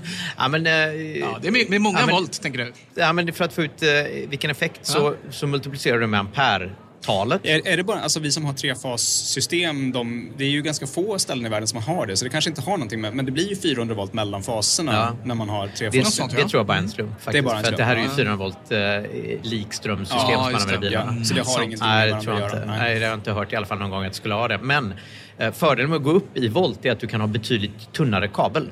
För att Ah. du kan då med samma ampertal föra över mer, eh, mer Ah. energi och då kan du ha väldigt, väldigt tunna kablar. För koppar är ju dyrt. Och det, det. Om ni har tittat på de där tjocka kablarna till elbilsbatteri, de orangea som man Mm. ser ibland när man ser elbilar i genomskärning. Stora, tunga kablar som är dyrt och mycket kablage i bilar och sådär också. Ja. Så att, eh, Alltså det är det ena att det, det är dyrt och det väger men framförallt så är det också att eh, resistens, resistansen går ju upp med ju tjockare kablar Ja, du har. Så att, eh, du får Varm. mycket mindre värmeförluster Ja. om Mm. du går upp i spänning och därmed får ner storleken på ledarna. Men då är frågan, varför nöjer man sig med 1000 volt? Vad, vad är det? Alltså, varför kan man inte ha 5000? Vad är liksom... Ja, men man kan tänka att det logiska för dem hade kunnat vara om de ville harmonisera med resten av ekosystemet hade det Just gått, gå till 800 volt Mm. nu då. Så hade de kunnat köpa lite komponenter av Mm. varandra och få lite sådana skalfördelar. Men jag tror helt enkelt att Tesla, de är så stora nu på elbilssidan Ja. så de tänker att de kan sätta sin egen standard här. Mm. De kan liksom one-uppa de andra och de vill ändå bara ha liksom, vertikalt integrerat. De vill bygga sin egen Ja. Så de, de väljer att gå dit för att liksom sätta lite press på att om alla de andra har målat in sig i 800 volts hörnet nu då, Ah. ah, då kan vi one-uppa dem Ja, liksom, det. under, under lång tid. Såklart. Eh, Ja, det andra är väl att så här, det, det som du kan få när du höjer spänningen är väl att eh, det, blir- det blir lättare att du får eh, liksom, eh, sånt som du inte vill ha. Att strömmen börjar hoppa vägar som det inte var tänkt. Att den kan Just hoppa det. genom luft och så Ja. vidare. Så att man behöver vara duktigare och tror jag, nu är jag verkligen Ja. ute på djupt vatten här. Ja, men så är det ju. Blick, eh, alltså, blixtar har ju väldigt högt volttal. Eh, och i eh, sådana här högspänningsrum eh, rum finns det till och med så här säkringar som är... Alltså, det finns som så att man ska kunna gå in i en eh, transformatorstation till exempel utan att få en blixt i huvudet. Då finns det liksom en ljusvakt så att om det blir ett väldigt högt ljus så går liksom strömmen. Då stänger de av strömmen. Eh, för att liksom, eh, det är mycket, som du säger, det är mycket större risk att eh, eh, el hoppar i luften om man har hög volt. Oplanerad väg liksom, det Ja. man inte vill. Ja, just det. Hoppa till bilen in till på motorvägen och sådär. Så du... du tog min ström! Men, men liksom,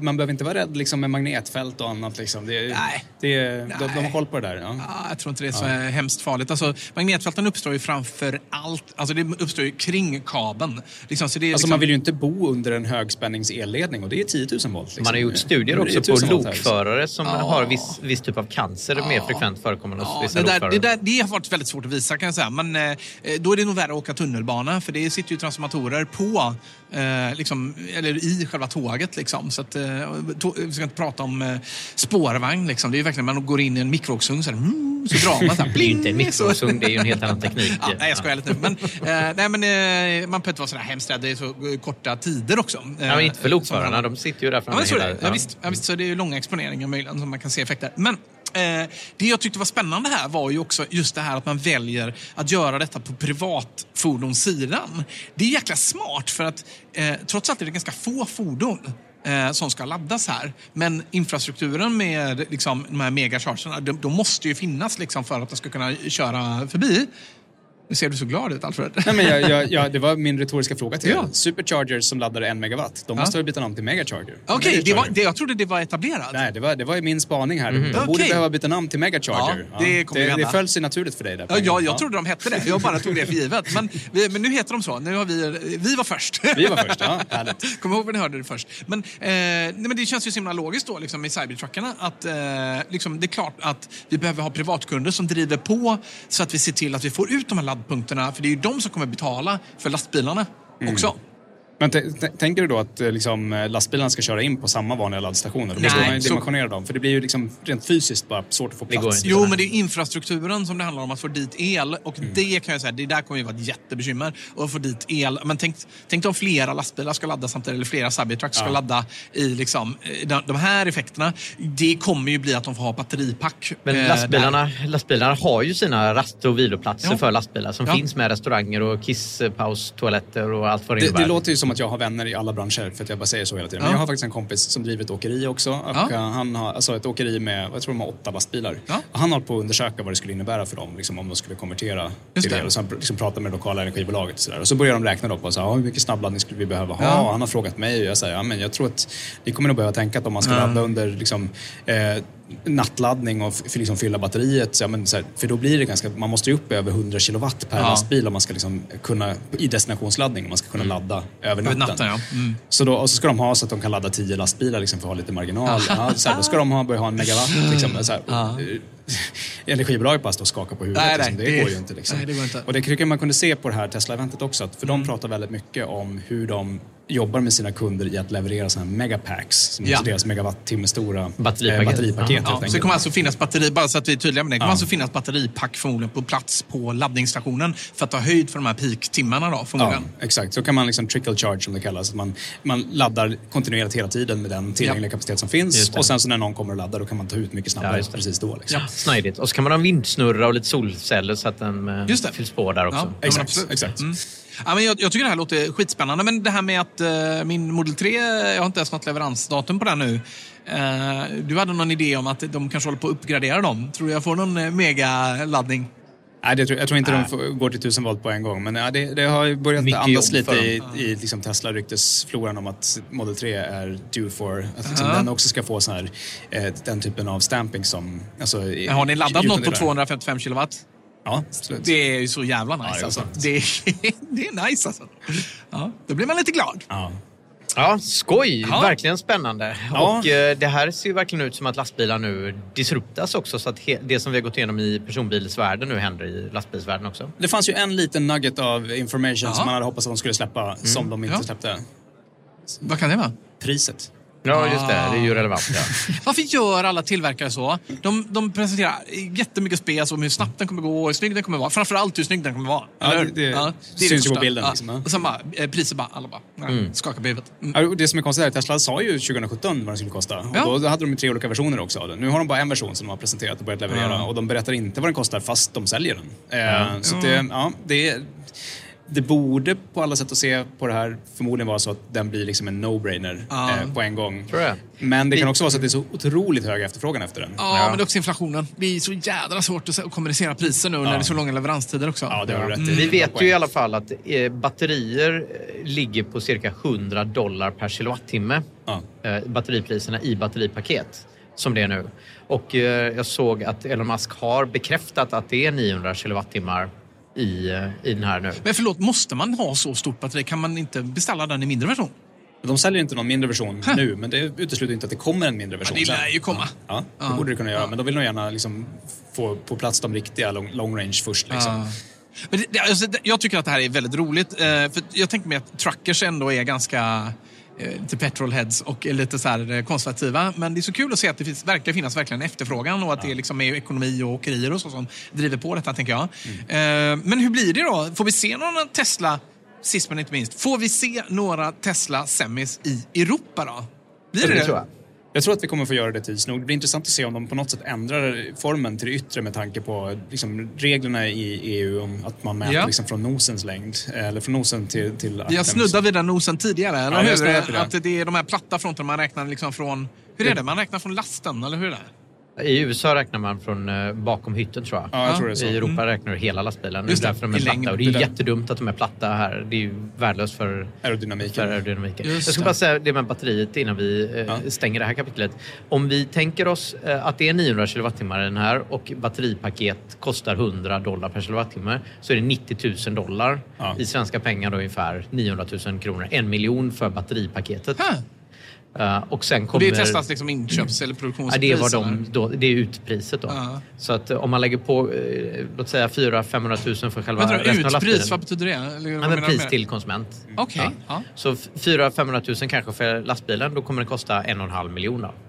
Ja, och det, det tror jag är liksom precis vad man kan ta betalt för den. För om den blir så otroligt mycket billigare drift sen så kommer den ändå liksom betala av sig inom två, Mm. tre år. Så är det liksom det. Jag trodde en lastbil var dyrare än så. Ja, vad kostar en lastbil att köpa? Ja, det, är, det är svårgooglat. Jag har försökt det Ja. förut. Jag har liksom pratat med åkeri... Ja. Du har ju en kompis som ja, har men jag, har, jag, har, jag har gjort just det. Och det, Ja, vad det är en så här, en och en halv, två miljoner. Det beror mycket på hur man ska ha dem utrustade. Men, men Okej. det, är- det är helt rimliga I, priser. tes- liksom. ja, I Tesla-sammanhang är det ju inte så mycket pengar ändå. Nej, det är ju men- det. Ja, okej, de, ja. de behöver inte vara så hemskt mycket dyrare än så. Liksom. så Coolt. att det, och det, men eh, till din fråga, kommer vi se dem i Europa? Jag tror att de kommer ha fullt upp med USA ett tag. Men Ja. de har ändå sagt att de ska bygga alltså 50 000 om året redan från 2024. Så det återstår att se hur många det blir under 2023 då. Nu, nu börjar de ju med liksom hundratals, så det känns Ja. som det är en ganska små, småskalig tillverkning från början, men att de verkligen vet hur de ska skala upp den. Och batterierna som ska sitta här i, det är 2170-cellerna som byggs där i Nevada där de ska bygga Ja. lastbilen också. Och den har de ju verkligen skala på. Så att, Ja. eh, man kan tänka att i takt med att de frigör 2170 batterier för att de flyttar de andra bilarna till 4680 som är deras nya då, till Mm. Tesla Model 3 och Y och så vidare, då, då kommer det nog bli fler lastbilar. Jag tror det är det som är planen.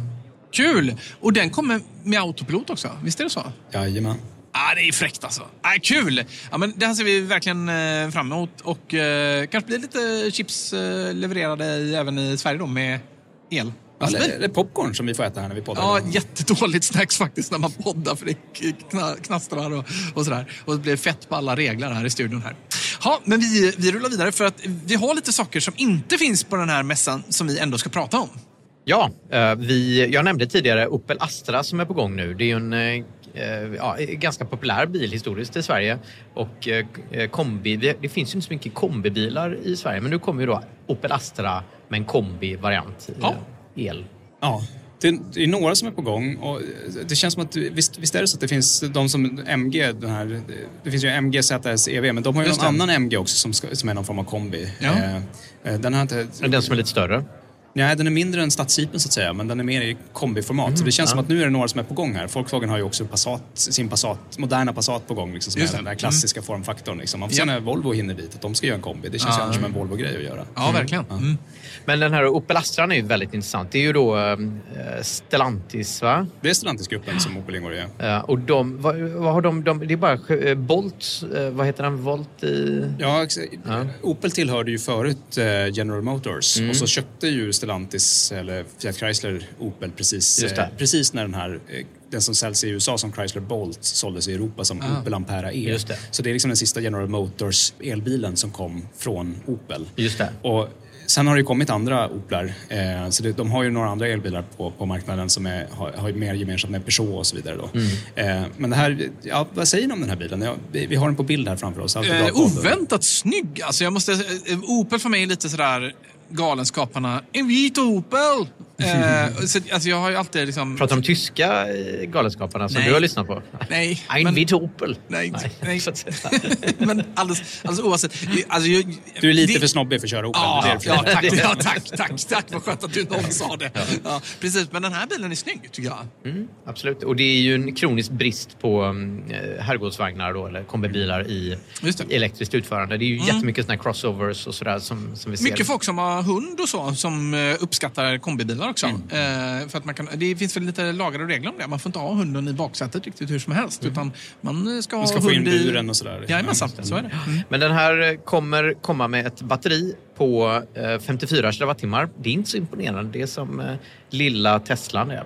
Ja, absolut. Samtidigt ska den vara snål, så 127 wattimmar per kilometer, det är alltså, ja men det är till och med i häradet att vara snålare än Tesla Model 3 då. Eh, Så Ja. det är de, bland de allra snålaste bilarna. Och I så fall ska det där batteriet räcka till 41,6 mils räckvidd. Det, det känns ju lite som att så här, jury is still out. Kan de verkligen leverera på de löftena? Det, Det låter orimligt. Ja. Du brukar ha väldigt mycket turbulens bakom större, alltså den här typen av bilar. Så att de, Ah. de, eh, sedaner är mycket bättre för att de Ah. är mer liksom... eh, Okej. Den kommer ju i sedanform också, så att man kan väl tänka att det så här, den kommer att ha förbrukning från 127 wattimmar per kilometer. Och så är det för sedanen då. Ah, Liksom. Så kan det vara till sedansiffrorna. Den kan få ganska kort räckvidd tror jag, en så stor bil med 54 kilowattimmars batteri. Ja, vi får det se finns när inte vi kan större- klämma och känna på den. Det finns inte större utförande. Eh, inte som är presenterat nu i alla fall, men, men det utesluter, utesluter ju inte att de kommer sen. Annars är det ju liksom, Mm. många har ju liksom, Polestar framförallt gör ju det verkligen nu, att de börjar med att sälja de dyra varianterna först och sen så kommer det liksom när de har hunnit dit, eh, att det börjar bli svårt med efterfrågan på de stora och dyra varianterna, då, då släpper de de billigare med kortare räckvidd. Liksom. Och, ja, så har ju Tesla också gjort. Mm. Så att, eh, men, men det verkar ju som att framförallt Stellantis-gruppen gör inte det. Och ett sätt att tro att, liksom, eh, fråga sig vad, vad, vad, det, hur det kommer sig, det är väl just om man är en koncern som har pålagor på sig att sälja väldigt mycket högre andel av sina bilar ska bli elbilar och man har batteribrist. Hur ska man Ja. göra för att tillverka så många elbilar som möjligt? Ah, Tänker små batteristorleken. batterier. Ja. Ja. Mm. Så skulle Ja. det kunna vara. Det, det Ja. är Ja, något, det tror jag bra spekulerar, men, men det är så tänker jag i alla fall. Men annars, eh, liksom, den är snygg, den laddar ändå upp till 100 kilowatt. Det är ju liksom distinctly average som de säger. Liksom nu med att det, är så här, det är varken eh, jättelångsamt men inte heller särskilt snabbt. Eh, det skulle kunna bli en folklig hit om priset är rätt. Eh, Tror ni inte det? Min Ja. pappa kör Opel. Det, Ja, kanske lite litet batteri alltså. Jag, det, det hänger ihop med vad räckvidden blir och sådär. Men ska vi prata lite mer om batterier och eh, sådär i eh, veckans elbilsskola? Ja, det ska vi göra.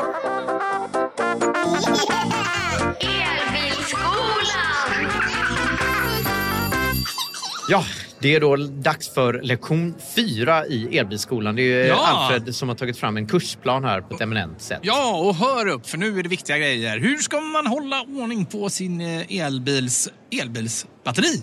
Hur ska man vårda batteriet så det håller länge helt enkelt? Ja, exakt, Hur ska man precis. undvika att det åldras snabbt? Både för att bevara sitt andrahandsvärde och om man vill lära sig av den här skolan åt andra hållet kan man fundera på hur ska man kanske känna igen en, en bra begagnad elbil som man är spekulant på. Mm. Mycket bra frågor. Och i, i, när elbilarna började komma så var det mycket folk som eh, klankade ner på dem och som klagade mycket på det här batteriet, det kommer bli dåligt snabbt och det behöver man byta. Det, den, fick jag frågan, Ja. den frågan fick jag för inte alls så länge sedan. Så, Det är "Ah, sant. Hur ofta behöver man byta ba- batteripaket, köpa ett nytt batteripaket på en elbil? Det är rätt konstigt. Jag bytte faktiskt batteri på min bil nyligen. Visste ni det? Jaså, 12 volt batteriet? Ja. Jag älskar ju rumpvärme.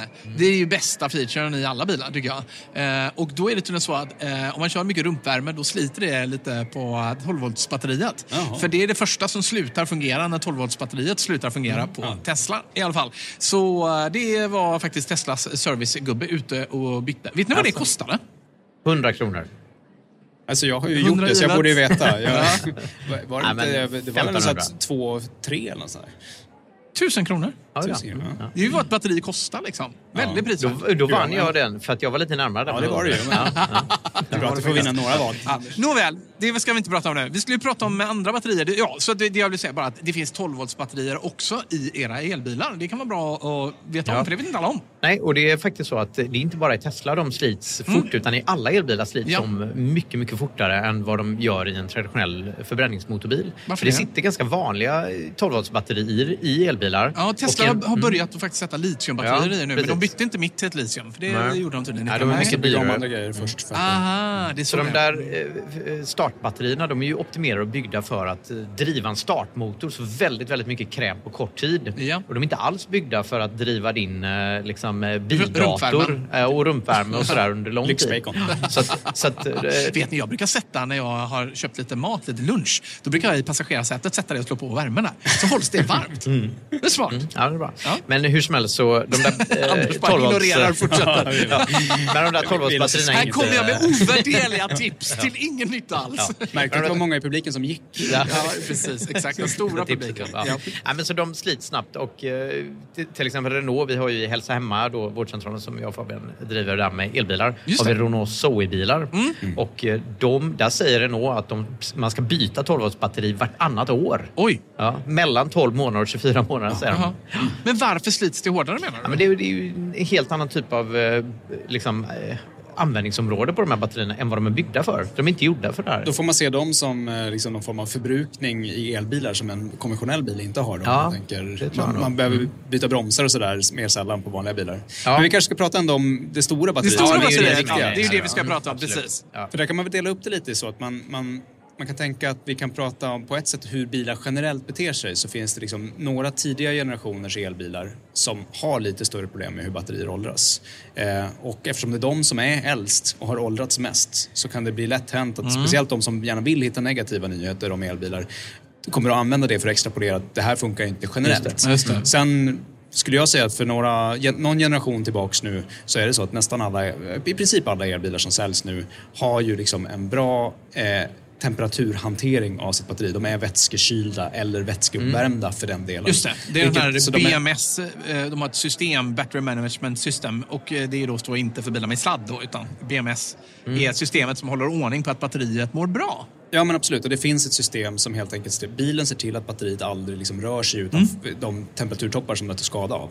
Så om, när man funderar på hur ofta man behöver byta ett batteri i en elbil så kan man säga att de som har ett sånt system, då håller batteriet längre än bilen. Ja. De äldre elbilar som var antingen passivt kylda, att de inte hade något system alls, eller att de var aktivt kylda men med luft.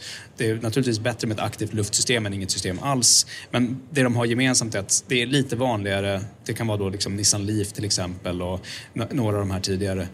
De helt enkelt har inte på samma sätt åldrats med behag. Utan där, där behöver man helt enkelt, om man, om man är spekulant på en begagnad sån bil, då behöver man verkligen sätta sig in i hur det batteriet mår innan man köper den. För det, ska, Ja. det ska ha en ganska direkt påverkan på hur mycket man betalar för den bilen. Ja, och då behöver man veta att eh, litiumjonbatterier som vi pratar om här, de är väldigt känsliga. Eh, och det har man märkt, alla som har haft en mobiltelefon de senaste åren, vilket är typ alla, eh, märker att eh, mobilen dör, alltså slutar batteriet blir jättedåligt efter Mm. ett, två år någonting sånt och då måste man byta. Och detsamma gäller laptops och såna saker också. Så hur kommer det sig att bilbatteriet som är av exakt samma typ och teknik kan leva så länge när mobilen måste bytas efter kort tid? Ja, men det, det är ju så att allting man pratar om hur många cykler ett batteri tål. Och de cyklerna, det, det man pratar om då, det är liksom om man laddar det helt fullt och sen så drar ur strömmen så att det blir helt tomt. Och då får man liksom en siffra på hur många cykler tål det här batteriet. Men det är inte så att om man som istället för att ladda till 100% eller istället för att dra ur batteriet hela vägen till 0% om man istället skulle röra sig i intervallet bara om man tänker att det är liksom optimala caset för batteriets eh, lång, alltså beständighet. Om du bara rörde dig mellan 40 och 60% av, i laddning på batteriet hela tiden, då skulle du ha en i princip oändlig livslängd på det här batteriet. Mm. Så det betyder att när man pratar om hur många cykler ett batteri håller, då måste man alltid tänka vilka, vilka laddnivåer det är man pratar om. Och då pratar man i allmänhet om då de här 0-100% laddningarna, Ja, mm. vilket också är vad man i allmänhet har i sina telefoner. Eftersom telefonerna ska vara så små och smidiga som möjligt så är det liksom i allmänhet så att de, det finns ingen extra buffert eller någon, någonting sånt i batterierna. Utan där får du verkligen tillgång till nästan hela batteriets Ja, kapacitet. det. Ja. Och sen stänger telefonen av sig, då har du väldigt lite kvar. Och skulle den ligga urladdad bara några dagar, Ja. då kan den bli brickad till och med. Så Ja. går Vi, vi sen. bara lägga till det, för att, eh, det är flera delar i detta. Temperatur har du ju nämnt Mm. eh, och i en telefon så sitter ju processorn väldigt nära oft, oftast batteriet. Ja. Och den ligger som du säger i fickan så den blir väldigt lätt varm. Eh, Mm. Speciellt när du slår på rumpvärmen. Liksom. Eh, Just det, speciellt då. Men också, eh, eh, men också som du säger att man laddar från 0 till 100. Men nu har faktiskt telefonerna också blivit bättre på detta. Så telefonerna har bättre eh, battery management system. Har ni märkt det? Att om ni vaknar eh, liksom vid fyra tiden på morgonen, då har en iPhone pausat laddningen för att anpassa att vara, liksom, ladda upp till 100% Android-användarna bara skakar på huvudet åt oss iPhone-användare för de får ännu mycket bättre kontroll. Så Ja, de de kan- har haft det länge, tror jag. De, ja, de har haft det Mm. länge. Så de kan ställa in mer, som elbilsägare som, som kan lite om det här. Då vill man ju verkligen bara, "Ja, den är ju så bra när den är ny. Jag kan Ja. bara få säga att ställa in den och bara ladda den till 85% Exakt. till exempel. Ja, så sparar jag exakt. mycket mer på det batteriet. Får Ja, ha kvar det nya batteriet länge. Jajamän. Ja. Ja, nej, men så att, det finns många likheter med mobiltelefoner men det finns också en hel del som skiljer dem. Ja. Vad, Anders, vill du, vill du gå in på lite, hur, hur gör man då till vardags när man har sin elbil? Liksom, Ja. vad, är, vad är det bästa knepet för att hålla uppe? Ja, men eh, ett eh, elbilsbatteri ska laddas mellan 60 och 80 procent. Där mår det som allra bäst. Så att när du kopplar in bilen så ska du se till att ställa inställningarna i bilen att inte ladda mer än... Jag har 80 procent inställt. Ja, jag brukar också ha 80 procent. Jag har då 50 till 90 procent beroende på elpriset om Ja. någon undrar. Mm. Eh, Men 80 procent ligger jag på för det är en fin kompromiss där mellan eh, att få tillräckligt med räckvidd och att eh, batteriet ska leva så länge som möjligt. Det. Så det är det allra viktigaste, att ladda aldrig elbilen full. Och det, Ja, aldrig med asterisk då. Där, när man ska ge sig ut på långresa. Ja, men det är ju då laddar man efter. någon gång om året. Men då, precis. då drar man upp laddningen som man laddar fullt precis innan man ger sig av. Exakt, exakt. Och det är viktigt att du ställer den så att det är precis innan du ger dig av så du inte sätter den eh, ett dygn i förväg eller några dagar innan. Eller så, Just utan, Det gör ju ingenting om det står någon timme liksom, men, men eh, en dag i förväg är definitivt för mycket. Liksom. Ja, alldeles för mycket, absolut. Så att eh, jag brukar försöka trimma in det där. Och där har jag gjort det där felet med Tibber några gånger. att Tibber elprisoptimerar ju. Så att då går jag in i testlappen och så sätter jag så här, nu ska den vara fulladdad när jag ska åka. Till 100% och så har Tibber gått in och stängt av Ja, laddningen. och jag har ju Mm. elprisoptimerat. eh, Jag har ju tagit eh, självmant ansvaret för Eriks bil att se till att den är optimalt eh, laddat mot elpriset och ställde ju ner hans laddning häromdagen så skulle han ju åka till Varberg och tillbaka en morgon. Det ställde till det ganska rejält för honom. Eh, Så det var olika laddare. eh, Ja, det, det, var, det var inte god eh, Ditt stämning. system var lite för smart för sitt eget bästa. Ja, alltså Erik sa så här. För "Det- Eriks Du bästa." har något system som har ändrat laddningen på min bil. Bara, ja, det är jag så, som Du- har ändrat. Det är jag som är systemet. jag har tre system. Ja. Min, fru, min fru körde över min laddkabel häromdagen så att stiften drogs ut. så att nu kan jag inte ladda överhuvudtaget. Oj, oj, oj. Ja. Oj, oj, oj. Ja. Ja, så, Så ska man inte så ska göra man inte göra. Nej, exempel sin- på... sin precis, ja. Nej, men ladda till 80% och sen behöver man egentligen inte tänka på sådär väldigt mycket mer. Det- skulle jag säga, för bilen sköter det själv, Ja. moderna bilar. Det är ju intressant att det finns numera också i allmänhet, börjar bli vanligare och vanligare med en andra typ av batterier. Så Just vi, har det. de vanliga då, litiumjonbatterierna, eller alla batterityper som vi kör omkring med är litiumjonbatterier, men de kan ha lite olika batterikemi inuti. Just det. Och, det Och, Alfred eh, säger nu blir ju ett stort undantag från allt vi har sagt hittills. Ja, alltså de, de, Inte reglerna, allt, de, de reglerna vi har sagt, de går alldeles utmärkt att leva med oavsett vad man har för batteri. De reglerna är utifrån sådana här long range batterier som sitter i nästan alla biltillverkares bilar faktiskt. Eh, men speciellt när det gäller Tesla då som är vanligt, då är det, gäller det long range och performancebilarna som har den här typen av då, eh, nick, alltså nickelbaserade katoder tror jag om jag minns rätt. Okej. Eh, och eh, har man de batterierna då är de eh, väldigt ener, ener, de har hög energidensitet som har Ja. fått plats med mycket ström, vilket man ju vill ha. Men då är de lite ömtåligare än andra typer av batterier på det här sättet som vi nu har pratat om. Och det är därför man ska då tänka på att inte ladda dem över 80% i vardags. Men om man köper en standard range-bil istället, antingen från Tesla eller någon av de andra tillverkarna, det finns några av kineserna också som börjar komma med vad som kallas för LFP-batterier. Då. då är det alltså en litiumjonbatteri men som har en järnfosfatskatod.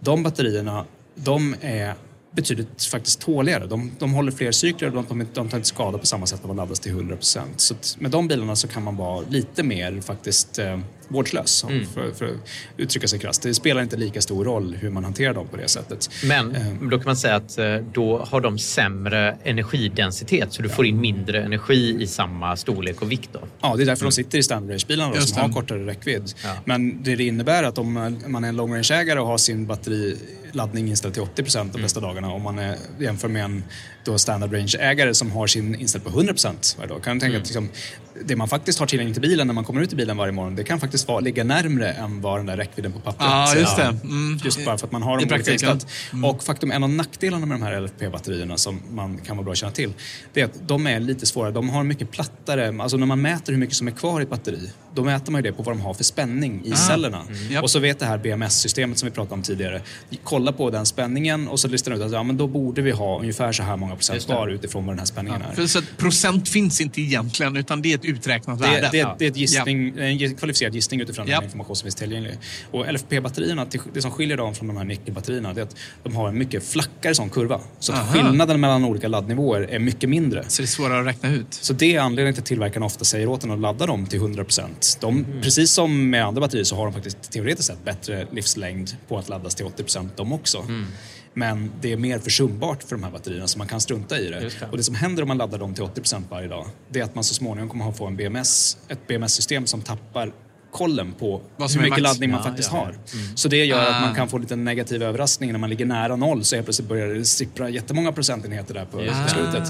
För att BMSen upptäcker att shit, vi var närmare golvet än vad jag trodde. Men det är massor med andra fördelar med de här batterityperna också. Till exempel att det använder väldigt mycket mindre såna här, eh, sällsynta jordartsmetaller och sådär. Just Så det. att det är ett väsentligt mycket bättre batteri för miljön och den vann faktiskt Tesla Model 3 med de här LFP-batterierna vann ju årets eh, elbil. Jaha. Eller årets miljöbil i år till och med. Och Okej. där satt jag faktiskt i juryn. Så jag var Nej. en av dem som röstade Alltså när du frågade mig om vad vi skulle tycka, då sa du att det var vi som satt i juryn. Men nu var det du då? Ja, nej, men det är jag och eh, ni fick ju vara med på ett hörn också. om ni ville. Jag minns ingenting av detta, men det är möjligt att jag har deltagit i sömnen. Ja, det var för att jag inte frågade dig Nej, faktiskt. jag, Jag frågade jag, allt. märkte det. Det är ingen pik. Ja. Men eh, vilken bil har du då, Anders? Eller i er familj, har du ni väl en sån? Är inte det lite Vi- partisk då? Ja, vi har en sån, men inte den här Kina-byggda då. Ah, Eh, okej. ja, för vi har ju en sån också som inte är Kina-byggd. Och det är lite synd. Ja, det, här är ju en fördel faktiskt. Ja, men det är det absolut. Bättre batteri helt enkelt. Ja, just det. Men eh, när man köper begagnad elbil, Alfred, då, vad ska man tänka på? Du var inne på att eh, det kan vara ha åldrats mycket och sådär. Ja men absolut och det, det har länge liksom varit en... Ja, men det har varit ganska svårt att veta hur ska man ta reda på hur mycket av batterikapaciteten som återstår. Mm. Det, ett sätt är liksom att kolla bara, vad säger den att den har för räckvidd utifrån hur många procentenheter den har. Och så Mm. kan man liksom försöka googla sig till vad borde den säga utifrån hur, hur, vad, hade, vad hade den för räckvidd när den var ny och så vidare. Kan Ja, man försöka det. förstå utifrån det. Fast de där systemen är inte bra för att Nej. de är, är, så vitt jag vet, är de algoritmbaserade bara. Så den bara utgår från att degraderingen är x antal procent per år. På- på typ kilometer eller år eller Bilens, bilens eget system pratar du om Ja, precis. Exakt. För man brukar kalla det för gessometern. Ja, ja. Men exakt. För en elbil kan ju ha väldigt välskötta batterier. Om Ja. någon, av oss, för vi sköter ju våra batterier väl. eh, Men... Tror ni att liksom Tesla tittar på den datan när de tar in bilar igen? Att de kollar liksom på hur man har skött batteriet och ger pris efter det? Jag tvivlar på att det påverkar värderingen jättemycket hos Tesla, men ja, tänkbart att De de, har ju det. den datan, Jag tror att de har väldigt noggrann koll på den datan för att bestämma om vad vi ska ha för laddhastighet i våra bilar till Mm. Ja. exempel. För det, det har man ju sett att när de släpper nya batterityper så laddar de i allmänhet lite långsammare från början och sen så samlar de data och lär sig hur de där beter Ah, sig och sen ja, vågar de skruva precis. upp laddhastigheten Ja. för de märker så här, vad är, vart går gränsen Ja, för när går inte skada. Liksom. Ja. Eh, Så Men- på det sättet kollar de på dem. Jag har sett många gånger när jag har varit hos bilhandlare. Kommer in där och tittar på elbilar så står de med 100% på mätaren i bilhallen. Och de bara, ja men titta den är full här, eh, 40 mils räckvidd och sådär. Ja, alltså, dag- dålig dag in i demohallen, liksom. Ja, men exakt. Oj, det är inget bra. Ja, Men, men- eh, vi- för, alltså, jag, jag tänker liksom att på något sätt vore det ju bra att få någon slags garantimärkning för folk som ska köpa begagnade bilar. Mm. Eh, jag vet ju, du, din, eh, den här lilla eh, minibilen, vad heter den? Som du- Imiev. Imiev. Har du sålt den nu? Eller har Ja, du den kvar är såld. Ja. Mm. För den bilen hade väl ändå så att det plockades bort liksom, en liten symbol? Nej, nej, den hade inte det. Liv. Ja. Är det Liv Ja, som Liv hade det? det. Ja. Och det kan jag tycka är lite väl stressande. Man måste ju inte kanske varje morgon mötas av en bild Nu är din bil att lite sämre. Ja, exakt, Ja, det nej, kan jag tycka nej. inte är så bra. Men det vore ju bra om det fanns, precis som VLTP, att det fanns en standard för degradering så man kunde se procent eller något som man Det kunde som- jämföra. Detta finns ju på telefoner. Att man Ja. kan se batterihälsa på sin iPhone till Ja, exempel om man ska det, köpa det. begagnad. Mm. Det vore väldigt bra om det fanns något liknande Det, det, elbilar. det, så det blir ju, med telefonerna så är det fortfarande så här, det är lite svårt, äpplen och päron. Liksom. Man kan ju, okej, en iPhone jämfört med en annan då kan man ju liksom jämföra. Finns det andra telefoner? Men, ja, kan göra det. Bilarna som, som du inte är lika riktigt hårt Ja. ännu, även om du är, har köpt många Teslor Fabian, så är du kanske, lite närmare att byta till en annan, ett annat märke på bilen än på telefonen. Då. Men Ja, Det som- alltså det är ju Polestar O2 som gör det svårt. det är det som gör det Ja, svårt. det är ju det. Mm. Det jag vill komma till i alla fall, att det som håller på att hända är ändå att det börjar faktiskt komma ett gäng tjänster på marknaden som jobbar med att ta fram bra verktyg för att testa batterierna Ah. och att kunna få en oberoende kontroll. Så det här Ja. är definitivt något som bilhandlarna börjar, som har koll på det här, de börjar skaffa sådana system. Mm. Eh, det finns en del av de här bilhandlar, de här transaktionstjänsterna eh, som försöker vara mellanhand mellan köpare och säljare som börjar erbjuda det som en del av sitt paket. Att de Ah, som en del av värderingen och kontrollen av bilen faktiskt kollar batteriets Hälsa. Ah. genom en sån här tjänst. Jag, jag låter lyssnarna googla själva för att inte liksom ge för stora fördelar till någon. För det, det finns faktiskt ett par nu Ja. som, som, börjar, som börjar jobba med det. Ja. Och det, det man kan skönja tycker jag det är att Lite som att ni kommer ihåg liksom, Trafikmagasinet när de höll på att sätta sig på huven och kolla fjädringen. Liksom. Ja! Det börjar, Gott om plats i om, baksätet om, om och bara något år så tror jag vi kan återkomma till ämnet så kommer det kunna börja finnas en lite så här begagnad checklista och så ska man köpa den här tjänsten eller den här appen eller den här mackapären för att testa batteriet. Just det. Eh, och tyvärr är de inte riktigt här ännu liksom, men, men det, det är på gång. Och en, Mm. Så länge om man inte hittar rätt eller om man inte vill använda en sån, då är väl en bra utgångspunkt att liksom ändå försöka kolla vad skulle bilen haft när den var ny? Tänka, har den, har, den liksom, har den mer än fem år på nacken, har den gått mer än 10 000 mil, då är det nog rimligt att batterikapaciteten ska vara nere runt 90 procent av, Ja. av nykapaciteten. Det är helt normalt, så ska det vara. Liksom. Mm. Eh, och enda sättet att testa det på riktigt, det är faktiskt att ge sig ut på en roadtrip och testa hela batteriets Ja. kapacitet. Men det kan man ju allmänhet inte göra innan Nej. man köper bilen. Lite Särskilt dålig inte- stämning om man ja. köper begagnad. Ja, en jag ska bara åka till. Stockholm Ja. här och tillbaka igen. Men så under Ja. tiden får man nog kolla så här, verkar det stämma överens något sånär med vad, den, vad bilen själv uppger? Och så kan man väl vara extra på sin vakt och kanske ha något, eh, något man har pratat med säljaren om liksom innan Mm. transaktionen. Så här, jag vill testa det här och det här när jag har bilen ny. Liksom, och, Okej. eh, om jag får problem då skulle jag vilja säga att det här är fel sen. Ja. Liksom. Så Ja, kan man få lite tid och under den första delen av sitt ägande då kan man säga till. Mm. Jag kan också tipsa om eh, en bok som heter Skaffa elbil som är skriven av Tibor Blomhäll som är president för Tesla Club Ja, Sweden. och han har ett Mm. helt kapitel som handlar om just eh, gamla, eh, bra. gamla batterier och Ja, bra hur man ska tänka på det. men. Ja, just det. Mm. Men sist men inte minst eh, vill jag bara säga att eh, det här med antal mil. Eh, Tesla är ju 20 000 tror jag, mil eller åtta år som batterigaranti. Garantierna skiljer sig lite mellan olika tillverkare men eh, de flesta verkar ha pejlat in Tesla som har varit lite li- standard och marknadsledare förstås eh, länge. Eh, och en sak som har slagit mig är ju hur jäkla fort det går att komma upp i många mil i en elbil. Man tänker att 20 000 mil på en vanlig bil, då är den ju liksom tio år gammal liksom, nästan. Alltså då är det ju en gammal bil. Men jag menar, jag har nu på tre och ett halvt år kommit upp i liksom nästan 15 000 mil. 15 000? Ja, eller 12 då. Jag, Oj då. lite. jag får Oj då. kolla sen. Men, jag får kolla sen. Men det är en jävla massa mil i alla fall, kan jag tala om. Men det är för att du är lite divig också. Du sitter och kör bil när du kunde ha åkt tåg och så istället. Ja, men det är ju rumpvärme. Det finns ju inte på tåget. Men så att det är ändå att ta med sig, alltså det finns ju undersökningar på detta också, att alla som skaffar elbil, i princip alla, kör mer. Mm. Därför att det är så billigt, det är roligt och eh, ja, jag kan inte komma på något tredje klatschigt nu, men eh, you get the point. Ja. Ja, men det är bekvämt. Du kommer ut till en laddad, Bra, eller till en, bekvämt till Ja, en den tar vi. varm bil på morgonen och Ja, så men Nu hur? ska vi Ja, men ja. Men jag tycker att vi rundar av elbilsskolan här, va? Avsnitt Ja, fyra. jag har några saker på golvet jag tycker jag ska visa er här på Ja, på kul. mässan. Så att, eh, men vad brukar vi säga när vi rullar ur show, Fabian?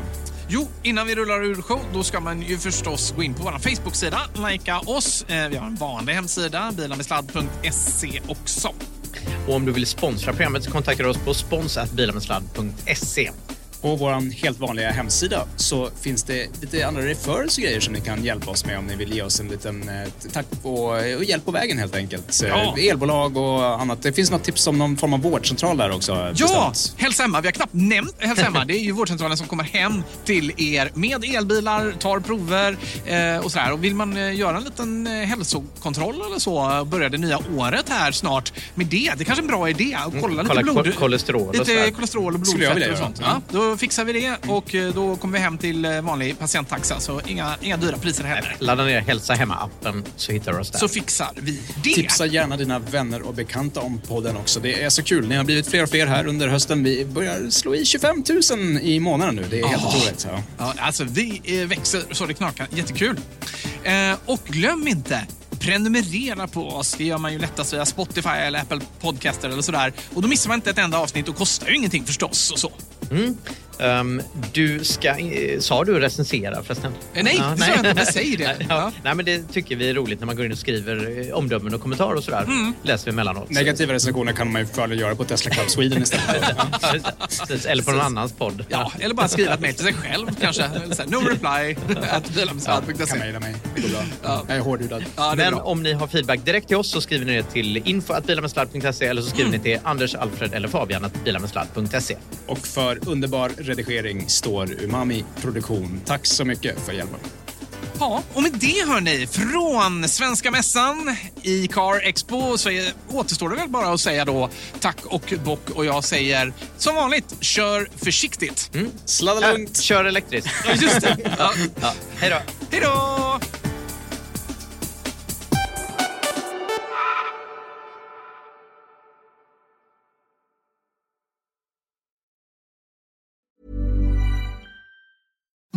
Imagine the softest sheets you've ever felt. Now imagine them getting even softer over time. That's what you'll feel with Bowl and Branch's organic cotton sheets. In a recent customer survey, 96% replied that Bowl and Branch sheets get softer with every wash. Start getting your best night's sleep in these sheets that get softer and softer for years to come. Try their sheets with a 30-night guarantee. Plus, get 15% off your first order at bowlandbranch.com. Code BUTTERY. Exclusions apply. See site for details. Planning for your next trip? Elevate your travel style with Quince. Quince has all the jet setting essentials you'll want for your next getaway, like European linen, premium luggage options, buttery soft Italian leather bags, and so much more. And is all priced at 50 to 80% less than similar brands. Plus, Quince only works with factories that use safe and ethical manufacturing practices. Pack your bags with high-quality essentials you'll be wearing for vacations to come with Quince. Go to quince.com slash pack for free shipping and 365-day returns. Mom deserves the best, and there's no better place to shop for Mother's Day than Whole Foods Market. They're your destination for unbeatable savings, from premium gifts to show-stopping flowers and irresistible desserts. Start by saving 33% with Prime on all body care and candles. Then get a 15-stem bunch of tulips for just $9.99 each with Prime. Round out Mom's menu with festive rosé, irresistible berry chantilly cake, and more special treats. Come celebrate Mother's Day at Whole Foods Market.